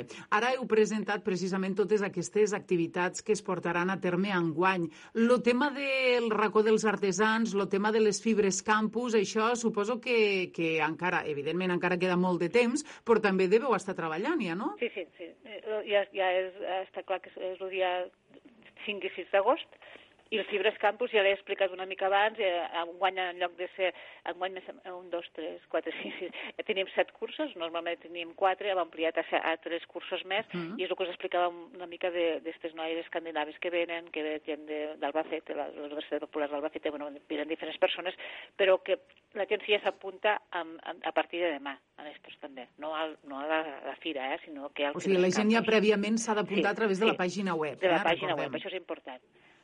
No podem apuntar ningú que no, eh, que no sigui mitjançant la pàgina web perquè si no se crea una mica de conflicte. Perfecte. Bueno, és, és interessant recordar-ho, per això Sí, ho fem amb sí, temps, sí. no? I, Sí, sí, i ho recordem. Per cert, lo, lo Fibres Campus és un atractiu més no? que, que arriba precisament eh, conjuntament amb la Fira de, de, de les Fibres Vegetals. Eh, com, com ho valores tu? Suposo que si enguany s'amplien a, dos, eh, a dos tallers més és perquè també la gent aprofita moltíssim per a vindre. Eh, I també segurament que no només d'aquí de les nostres terres, sinó de- d'altres llocs que treballen aquests materials. Sí, sí, a vegades, de, de vegades, bueno, sovint tenim un públic inclús de la resta de l'Estat i tenim un públic internacional, o sigui, que gent que ve expressament a fer aquests cursos. Això és cert. Eh, bé, la valoració és bona perquè no deixa de ser un turisme bastant cultural, no? Que, bueno, que no, no, no, no, no, no tinc res en contra del turisme que no sigui cultural, eh? ni molt menys, eh? tot, tot suma. Però són una gent que venen a aprendre una, unes determinades tècniques, venen a, a conèixer el territori, que això mm, sempre suma, penso jo. No sé, és, Uh -huh. I enguany tindrem novetats també en lo de la Fira dels Artesans. Recordo, per exemple, que l'any passat eh, vau portar, com sempre, eh, com tots els anys, gent d'altres països. Segurament pues, aquestes noies d'Escandinàvia també presentaran no, els seus projectes, entre d'altres. Hi hauran més novetats? Bé, ara això, això sí que comencem a treballar, ja hem començat a treballar, però sí, sí que comencem a treballar. El dilluns tinc una reunió amb la- l'Associació de Cistellers de Catalunya, que de fet moltes de les coses fem conjuntament i sempre ho diem, que, que, bueno, que, que és un win to win, que es diu, no? que, que realment treballem plegats. Llavors, eh, a banda de les noies escandinaves eh, i també pues, la Universitat Popular d'Albacete i algunes que ja tenim, que ja, que ja, que ja està confirmat que vindran, mm, eh, estem començant. Ja tenim una enllestida de la programació anual i ara comencem amb fira. Molt bé, doncs bueno, Bueno, comencem, seguim. Sí, seguiu, seguiu, seguiu avançant perquè evidentment això no, no para. Suposo que quan s'acaba una fira ja, ja, Sí, ja, ja es pensa amb l'altra no? i es comença a investigar com a- perquè, perquè al final tu també fas un treball d'investigació, no? Tot i que tingues associacions que us puguen recolzar com les que ara mos comentaves, eh, sí que és veritat que és un treball d'investigació de dir, pues mira, a Escandinàvia tra ho treballen d'aquesta manera o a, o a Albacete o a, o a les Illes Balears ho treballen d'una altra i els volem portar aquí. Sí, potser és la part de, és, és, potser és la part de la meva feina que m'agrada més i que puc fer menys a vegades, no? perquè, bueno, com es passa a molts de professionals, eh, quan comences la gestió, pues, la gestió s'emporta moltes hores. Però jo sempre dic que per a mi la part esta de recerca és la més important i la que també dona sentit una mica a, a la meva feina diària. Molt bé. No sé si hi ha alguna cosa més que vulgues comentar aquí al, a, de, del Centre de Desenvolupament Rural. Suposo que també les activitats eh, segueixen també amb les diverses exposicions que, que soleu tindre o amb les sortides també que realitzeu, no? Sí, bé, nosaltres també un dels plats forts és, la, és, la, és poder fer una exposició temporal, eh, producció pròpia, que també se poden veure aquí i que hem, hem passat d'inaugurar-la normalment a Fira, ara la inaugurem el primer cap de setmana de novembre una mica per desestacionalitzar i també mm -hmm. per trobar-nos més tots, no? una, una altra època, perquè si no se mos menjava entre l'exposició, eh, el Cibres Campus, la Fira, mm, eh, era, era tot com complex, no?, de, de, de, de, de, fer, de fer-ne la difusió sí. que se n'havia de fer. Mm -hmm. Llavors, aquesta desestacionalització ens està funcionant molt bé i l'exposició, que va començar el primer cap de setmana de novembre i que durarà fins a l'altre novembre, és Espart Disseny Rural, que penso que és una exposició fantàstica. Sempre pensem que són exposicions molt boniques, però aquesta és una exposició que tenim peces, de, me sembla que són de, de cinc museus diferents, eh, hi ha una, una feina d'investigació també amb documents i amb peces molt interessants tant pel seu ús com per les seves tècniques. Que penso que només per l'exposició val la pena vindre al museu. Segur que sí. Pepa Subirats, com sempre, gràcies per donar-nos informació de totes aquestes activitats i recordem als nostres oients que a través de la pàgina web del Centre de Desenvolupament Rural Museu de la Pauma ja podeu fer les inscripcions i estan obertes aquests diferents tallers.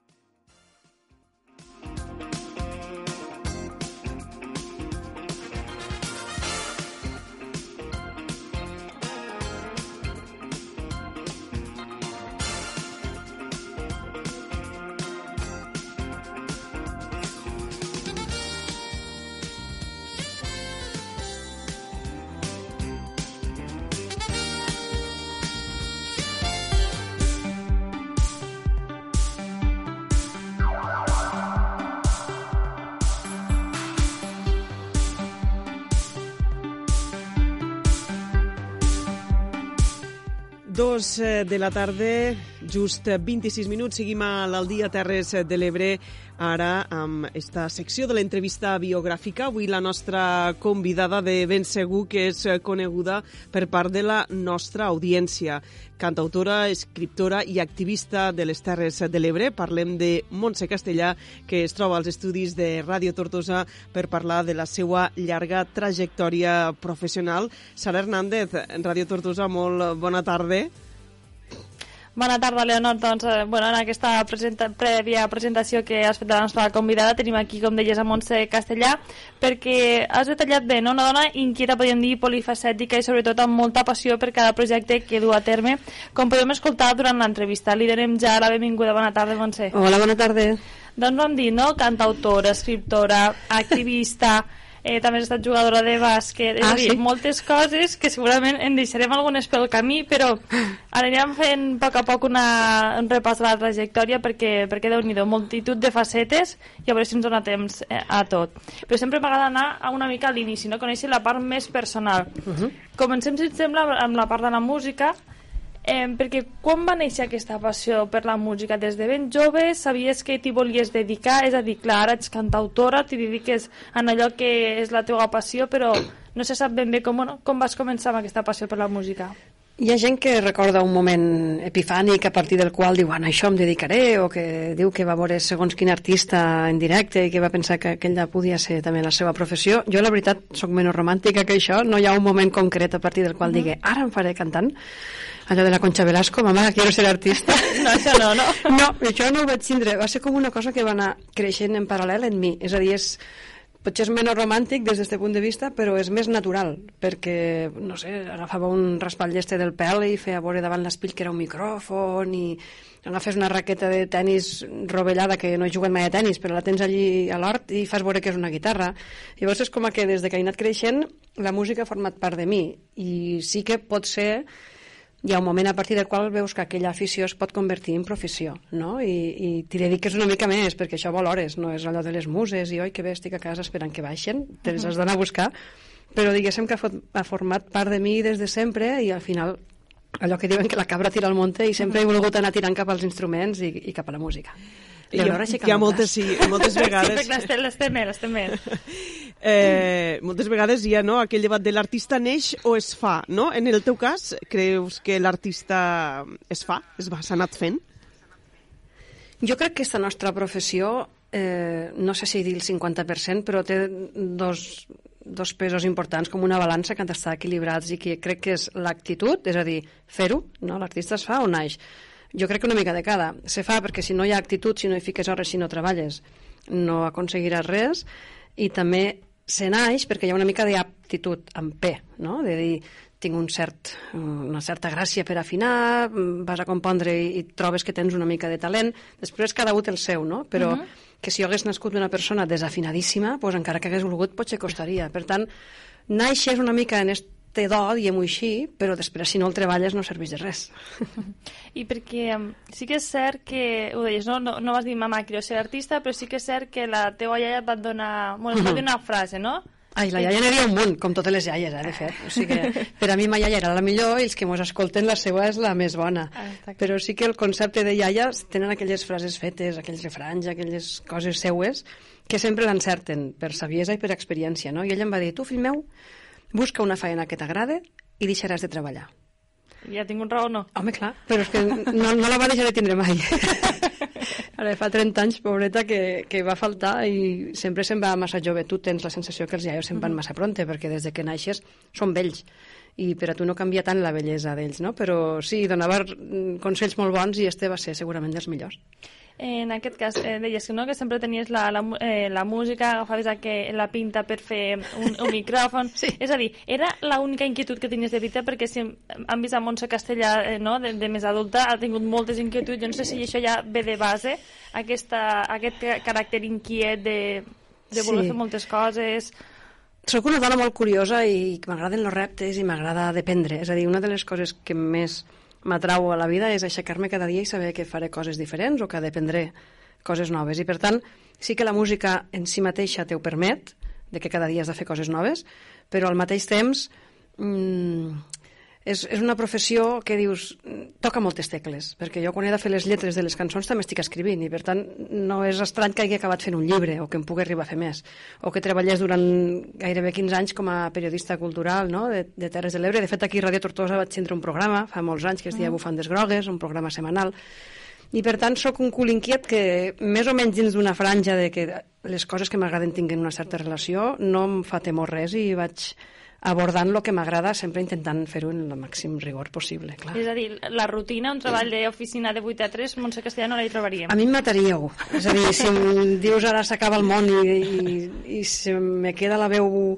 morta per sempre i m'hi he de dedicar, doncs m'arromangaré i ho faré. Però és, a mi fer una cosa tan, tan rutinària me costa. Ara abans de vindre aquí estava fent cançons i la feina ha sigut meva arriba una mica justa d'hora perquè m'he ficat dins d'una cançó i no, i no podia sortir-ne i quan he mirat l'horolotge dic, mare, corre que... és a dir, la inspiració arriba quan arriba en... és a dir, bueno, ara avui vaig escriure dos cançons, o vaig a fer això, és a dir, la inspiració, suposo que en aquest cas el compondre tantes cançons que després farem repàs a la, a la discografia, uh -huh. és un procés eh, catàrquic, no sé, una catarsis o... Mira, hi ha una altra frase, esta no és de Mayaya, però també la tinc escrita a les habitacions de casa meva, tinc frases escrites no uh -huh. penjades en un quadre, sinó escrites a la paret en un pinzell, i a l'estudi, al despatx on treballo i més creo, i tinc una de Picasso que diu que la inspiració me encuentre trabajando. És a dir, està molt bé això de les muses i deuen existir, però si tu no les vas a buscar, si tu no et fiques un munt d'hores treballant, mm, no sé, suposo que és com qualsevol treball, tu si has d'escriure un article o preparar una entrevista, potser estàs mitja hora preparant i la primera mitja hora el que has creat o el que has escrit no et convenç i a partir de la segona hora de treball dius, ara ho trobo. Clar, però estar ara ho trobo no vol dir que quantifiques al minut 1 allò que surt és bo. Les cançons passen una mica el mateix. Pots tindre una idea al cap, pots tindre un tema, dius, vull parlar d'això, però hi ha moltes altres vegades que tu comences a escriure, no saps on va la cançó, i, i dius, vaig escriure una frase, aquella frase te'n porta una altra, el tema canvia, la música varia, i et penses tu que controla el procés creatiu i és la cançó que et controla tu i es fa gran i creix i de repent dius, ostres, pues si m'està portant ella a mi més que no pas jo en ella. I tot això són hores i sí, les muses les vas a buscar pues, com els rovellons. N'hi ha, sí, però ves i troba'ls. Sí, sí que hi ha, per tant, no, una rutina, un mètode de, de treball. Dies, no, no m'agradaria o me mataria si treballes de 8 a 3, però sí que hi ha això, eh, un, un mètode de, de treball, sí. una rutina per a, per a que les coses surtiguen i surtiguen bé. Sí, hi ha una constància. Potser la paraula rutina li hem associat pejorativament un, una qüestió... No, no, en aquest cas és una personalitat de cadascú. Exacte, no? però la, la rutina en tant que constància i, i anar-hi treballant molt sí que m'agrada la constància. Potser la rutina li, això, li, hem, li hem associat sempre una connotació pejorativa com d'avorriment, no? I, o, de, o de mecànic, de ser algo mecànic, però sí que la nostra professió, la música és molt de ficar-hi hores i de ficar-te davant del piano i de la guitarra i, i, i buscar allò que ho fas ser diferent i que t'agrada. I, per tant, bé, el moment en què ho trobes també és molt, molt agraït. Tu vas buscant fa estona una melodia, un acord, una lletra, i quan te quadra tot dius, ah, ara sí ara sí. En aquest cas, eh, seguim parlant de, de la música perquè has publicat, publicat en cinc treballs, en aquest cas. Mm? El primer va ser 2005 amb Todo Relativo. Sí. Des d'aquell inici 2005 fins avui, 2023, que també està al, al for un altre, un altre sí. disc. Clar, tots este, estos anys amb aquests cinc discos, les inspiracions han sigut, o cada disc ha sigut creat per un motiu, per unes inspiracions. És a dir, com has vist aquesta evolució passant pels cinc discs i tota l'experiència que has anat adquirint treball rere treball i també treballant en grans professionals del món de la música que en parlarem perquè has treballat en, en molts també. Jo crec que aquí sí que no hi ha tanta diferència en la nostra professió com en un altre treball més convencional. És a dir, si, a, si tu li preguntes a un professor, a un mestre, a un metge, a una persona, a un fuster, no? com has vist la teva evolució els últims 15 o 20 anys? pues te dirà que ha després coses, que, que de com fer a la primera taula com fa ara els mobles ha després molt, que el professor ha trobat el seu llibret per a ensenyar d'una manera diferent. Les persones, sigui quina sigui la nostra professió, evolucionem i creixem. I, per tant, el que passa que en el cas d'aquells que exposem una mica els pensaments i els sentiments dins de cançons o dins de llibres, esta evolució personal és més evident o és pública perquè la gent acaba escoltant allò que tu has creat, però tant tu com Leonor, com qualsevol persona que m'ho estigui escoltant ara mateix, segur que quan pensa 20 anys enrere diu, oh, jo era així, o hagués fet les coses d'una altra manera, i van avançant al llarg de la vida. Jo també avanço, i aquesta evolució pues, acaba reflectint a les cançons. Simplement tens més vivències, tens més experiències, aprens coses, coneixes gent, i tot això fa un caldo de cultiu. Mm. Fes-nos una petita, una avanzadilla d'este de, disc d'este 2023, que ja que te tenim aquí no podem deixar d'estar de, de preguntar-te eh, quin serà el títol, quantes cançons hi haurà, hi ha col·laboracions, a veure si pots, ens pots parlar una miqueta. Sense fer spoilers, que aquesta paraula està molt de moda. Sense Va, però avançamos algo, avançamos algo. Sí, el nom ha començat a saber-se, el nom del disc serà Orgànic uh -huh. i i té a veure en el contingut de bastantes de les cançons, té a veure amb lo so, que serà més orgànic, més de terra, més, de, més despullat, més de sentir bategar, no? i no sé exacte encara les cançons que tindrà, però direm una desena, i per tant mm. podran ser 9 o 11, o, no? però al voltant, al voltant de la desena i, i estic gravant-lo, eh, estem produint a l'estudi Aire Studios, aquí a Tortosa, a, a la zona del Canalet, que s'està molt bé, perquè mentre es gravo i ah. canto veus oliveres i veus tot lo massís del port. Vistes privilegiades, eh? Sí, sí, sí, la veritat és que el Josep Lanau, Mitjum, amb qui treballo de fa molts anys, pianista i coproductor, té un estudi fantàstic i allà treballem a gust i la idea és que surti al carrer passat Sant Jordi i el que sí que ja se sap és la data oficial de presentació del concert, que serà el 14 de maig a Barcelona uh -huh. al Casinet d'Ostafrancs, a tocar de l'estació de Sants, i per tant d'aquí ja pues, estem ja a la recta final. Recta final. Nervis ja hi molta... O, nervis, i... nervis bons, no?, d'aquesta il·lusió de treure un altre treball. Sí, els nervis potser los vincules a, a estar preocupat o patint, i no mm. és el cas, no, però... nervis bons per això. Sí, la tensió, aquella tensió de dir, ep, mm, serios, firmes, aquí, eh? que, que això està aquí, Estem que és el sisè, que Sí, estem en un, en un compte enrere i, i molt contenta, la veritat. Al final segueixo dedicant-me al que m'agrada i intentes que cada vegada sigui millor i estar satisfeta en tu mateixa a partir d'aquí que li agrada a la gent també.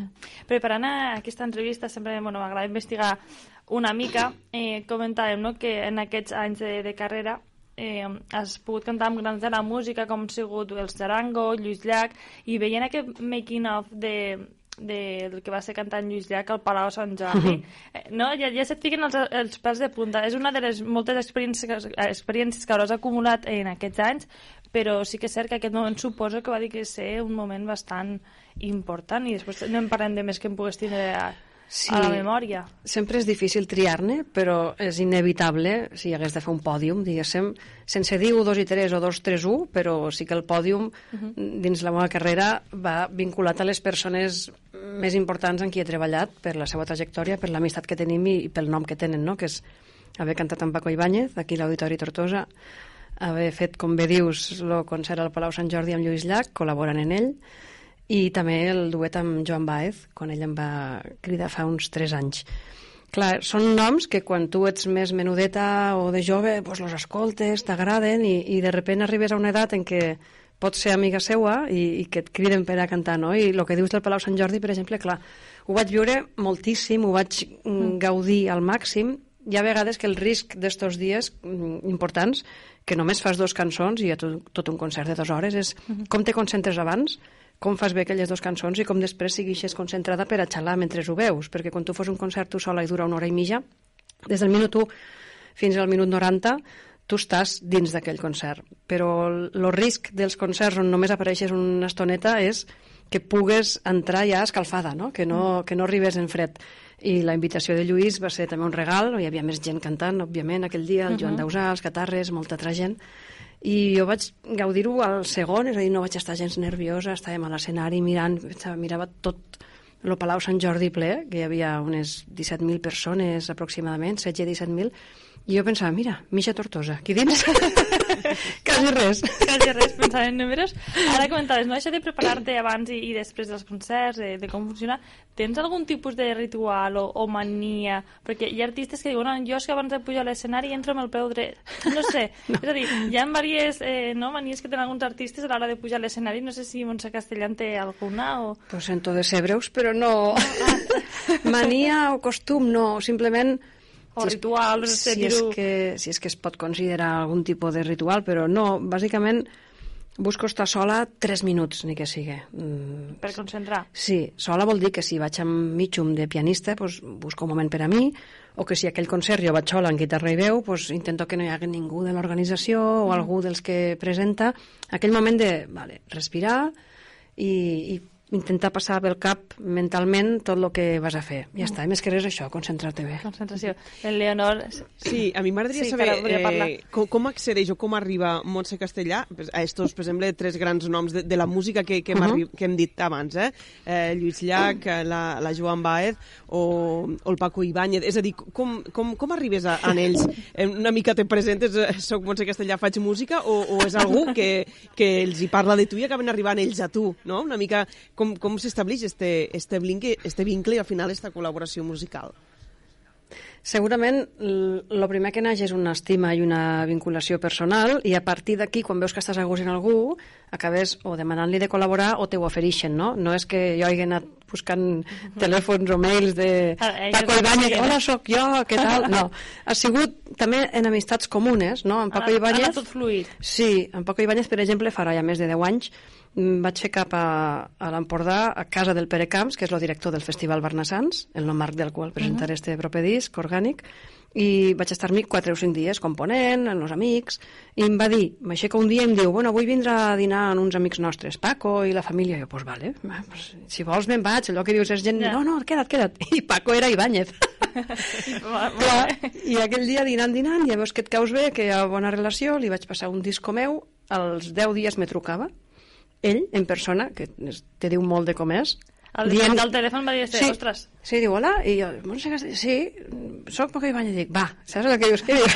M'està gastant de broma. Sí, sí, i em diu, no, que m'he escoltat el teu disc, que m'ha agradat molt, que enhorabona, que no deixes de fer el que fas, que, que endavant, o sigui, em va encoratjar molt, i a partir d'això, doncs, al cap d'un any ja, inevitablement, per així dir-ho, sorgeix de fer un, un concert en el qual ell me convide. O Joan Baez va ser més, més casual, hi havia un músic eh, que jo coneixia, tampoc moltíssim, però un músic de, per Barcelona que jo coneixia i que me va comentar que ell havia d'anar a un concert de, de Joan Baez a fer una petita col·laboració i que si jo volia anar allí a fer els coros, dic, home, jo a Joan Baez li faig el que sigui, els coros no li porto l'aigua o la maleta, el que vulguis.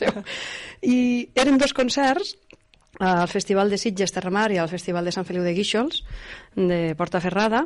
Al primer concert, efectivament, vaig fer coros, només coros, tot i que el només per a mi ja és molt, estar un escenari en ella i fer-li coros, i clar, van ser tres dies que ella va viure a Catalunya, amunt i avall, hotel, mm -hmm. viatges, camerinos, i des del primer concert, que era un dijous, fins al segon, que era un dissabte, allò que diem, que connectes, que hi ha bon rotllo, que, que vam parlar, que ens vam, vam anar a la presó a visitar Carme Forcadell en aquell moment, li vam cantar allí la presó... Bueno, se va generar un llaç que va fer que al segon dels concerts, on jo només havia d'aparèixer allí a fer quatre veuetes, ella me digués, va... Mm, Canta. Canta en mi. Diu, voldries cantar en mi?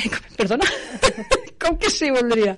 Saps? I, i me recordo, a més, que em va dir una cançó, el preso número 9, que jo, mal m'està el dir-ho, però no la tenia gens present. Però davant d'ella vaig dissimular molt bé.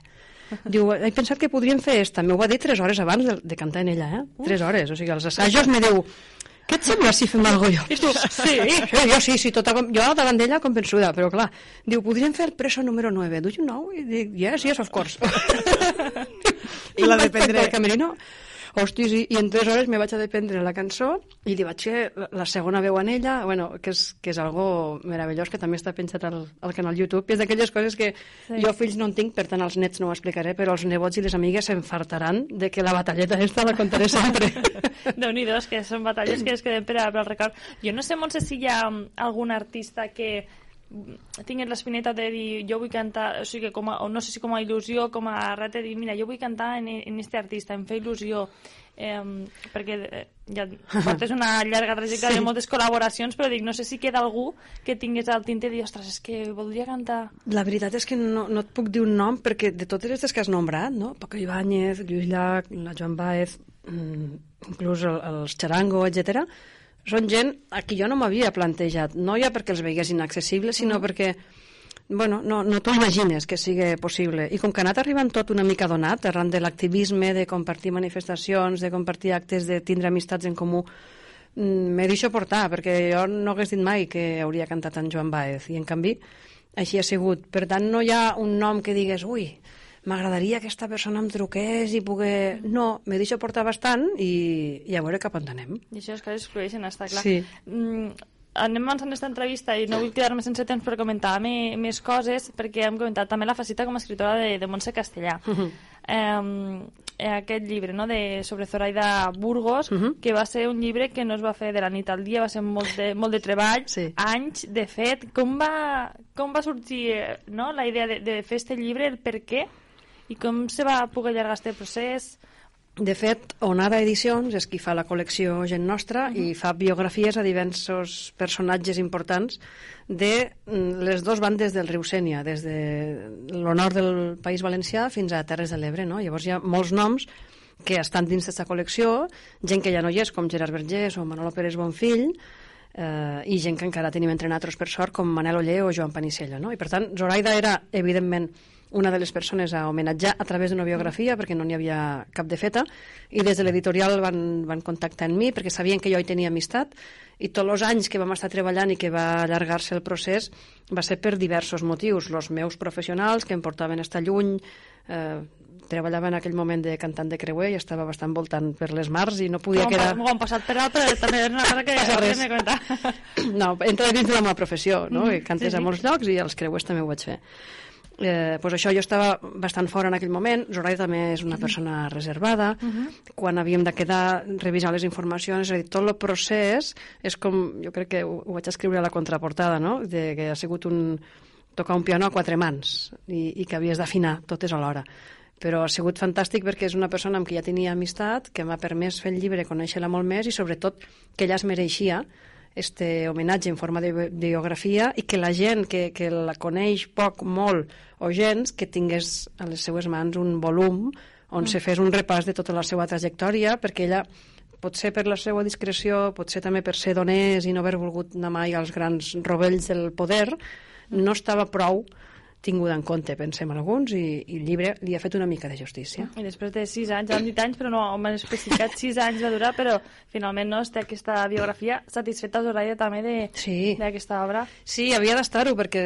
és la primera a qui, a qui li ha d'agradar i que ha d'estar d'acord, i, i a més perquè ho van pactar. És a dir, segurament el procés s'allarga tant perquè no és que jo escrigui ho publico i ja està, sinó que cada, cada vegada que avançava una mica més en el contingut li ensenyava Ella ella Uh -huh. i donava el vistiplau i pactàvem això no ho digues, dona, no, Zoraida, no ho digues forma, forma part de la teva vida és a dir, podem obviar algun capítol més íntim, personal de, de, de matrimoni o d'alguna història que tu no vulgues contar, però si tu has estudiat a segons quina escola o has escrit segons quin poema o has guanyat segons quin premi dic és que si no, no estaré fent bé, fent bé la meva feina de biògrafa si no en parlem, no? I llavors era este estira i arronsa constant de jo vull posar-ho jo no, i per això vam tardar una mica en arribar a un acord.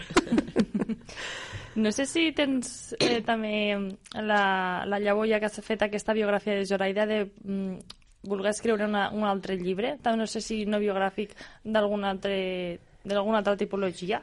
Jo crec, me va agradar molt... donat. Mm, Sí, a mi em va agradar moltíssim escriure aquest llibre, potser també perquè li tinc estima a la persona de la qual parlava i perquè m'agrada molt investigar i ficar-me a les biblioteques i buscar informació i aquest llibre era molt això també, no era només una biografia a l'ús en quant a cronologia, sinó que estava molt treballada en quant a context històric i sí que tinc la sensació de que no és l'últim llibre.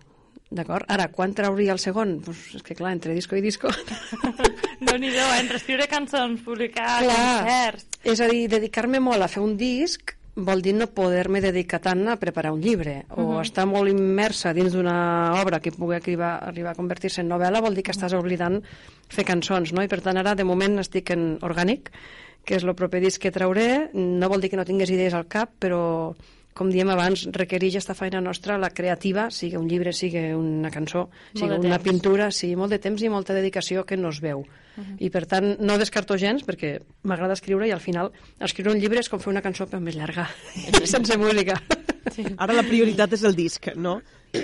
Sí, sí, perquè clar, al final tens tants gustos i soc tantes taulletes que t'has de centrar, tinc molt clar quin és el meu objectiu, quina és la meva faena, però també trobo que va bastant vinculada. Quan he fet altres coses, com en premsa, doncs era portant seccions de cultura, que és el meu món. Quan he escrit un llibre i no he fet cançons, ha sigut sobre una autora que jo havia musicat abans, no? I sempre totes aquestes facetes que a mi m'agrada anar explorant tenen una mica de fil conductor, no és que de repent jo me fique a, no sé, a fabricar tornillos, no sé com dir, sabeu? Ah, clar, que té, que té, té este punt en, Sí. en comú, no? Té un punt en comú, però alhora també has de ser responsable i, i, i dedicar el temps que requereix un, un nou disc. déu nhi Fèiem referència en aquesta presentació, no?, també la, amb la teva vessant d'activista. Uh -huh. perquè- Ah, sí. Perquè, déu nhi ah, sí, bé. Home, per favor, eh? No seria jo. Has estat portador de la, Sí. de la, has estat portador de la plataforma de Trens Dignes, també de la plataforma en, en defensa de l'Ebre. Uh -huh. Causes eh, socials i molt arrelades aquí al, al territori per les quals hem ha conegut més enllà de les nostres eh, comarques que era necessari no? fer eh, aquest altaveu i portar al capdavant no? aquests eh, reclams també. Eh, suposo que va, va sorgir arran d'haver-ho no? haver patit eh, i defensar com a territori en aquest cas eh, el transpassament, eh, trens dignes per tema de la situació ferroviària aquí, és a dir, se ven veus injustícies i, i has d'implicar-t'hi. Clar, és que jo sempre dic a la gent de les Terres de l'Ebre, quan naixem mos fiquen un megàfono baix del braç i et diuen, té fill meu, que això un dia o altre ho hauràs de fer servir, no? I per tant, eh, després també està el caràcter de cada un, Mhm. fins on s'implica, com i quan pot, i, i cada un aporta el millor que té i quan, i quan té oportunitat de fer-ho. Però a mi em sembla jo no ho entenc d'una altra manera. Si jo veig una injustícia necessito implicar-m'hi i de la mateixa manera també està lligat, no? De la mateixa manera que un cantautor com a tal, una cantautora, ja dins del concepte cantautora hi ha implícit un, un punt de rebel·lia i de defensa i d'acció social, clar, no s'entendria que jo fes una cançó que diu aquell riu ample i feliç i li canto al riu però després no el defenso quan hi ha una manifestació o que jo tallés la via per demanar que l'Euromet s'ature i que després tampoc ne parle als concerts. Diguéssim que l'activisme va un poquet implícit en l'ofici de cantautora perquè tens el dret de reclamar però també el deure perquè tens un altaveu, tens un micròfon i has de poder fer sentir les teues causes. I llavors sí, han sigut moltes hores ficades amb molt de gust de fer de portaveu de, del riu i dels trens perquè clar, és que les causes per les quals lluitar a Catalunya són moltes, però a les genèriques de país, que poden ser, mira, esta setmana no, hi ha, hi ha vagues d'ensenyament, hi ha vagues de metges, De sí. totes les situacions que ens afecten com a país, nosaltres, com a Terres de l'Ebre, també les vivim. Però a tot això més genèric has de sumar-hi aquelles causes més concretes com en el seu moment el Castor, com en el seu moment les nuclears, com el riu, com els trens, ahí tenim doble faena. I mos toca romanga més, però ho he fet amb molt de gust i, i el que millor m'ha pogut passar és tota la gent que m'ha anat trobant al llarg d'estos camins, de reunions, d'assemblees, de secrets, de moments bons, de moments no tan bons, que et van generant aquest depòsit, no? I, i que fan que la gent mos estiméssim i tingués sempre un, un afecte constant i gent que ara ve després als teus concerts i que te coneixia de quan anaves en les pancartes, no?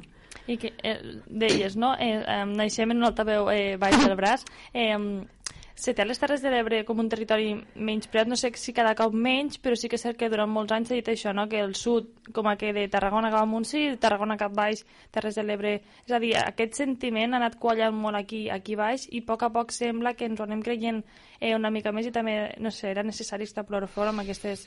Com ho veus? Que com a activista, és a dir, aquest eh, sentiment encara és, és palès, eh? molta gent dels que parla. L'any 2000, que és quan naix la plataforma en defensa de l'Ebre, el 15 de setembre, en l'Assemblea Fundacional a l'Auditori, segurament les Terres de l'Ebre estaven en un moment una mica de traspàs, trist, una mica gris, de, de no saber, de reivindicar però no donar-nos a conèixer i sí que és cert que arran de l'activisme del riu, dels trens i altres causes uh -huh eh, se mos ha ficat al mapa, Catalunya ens té un respecte, no vol dir que tots els representants polítics molt tinguen, perquè hi ha actuacions que es veu que no, però que com a mínim eh, jo crec que el més important era creure en nosaltres mateixos en que som Terres de l'Ebre.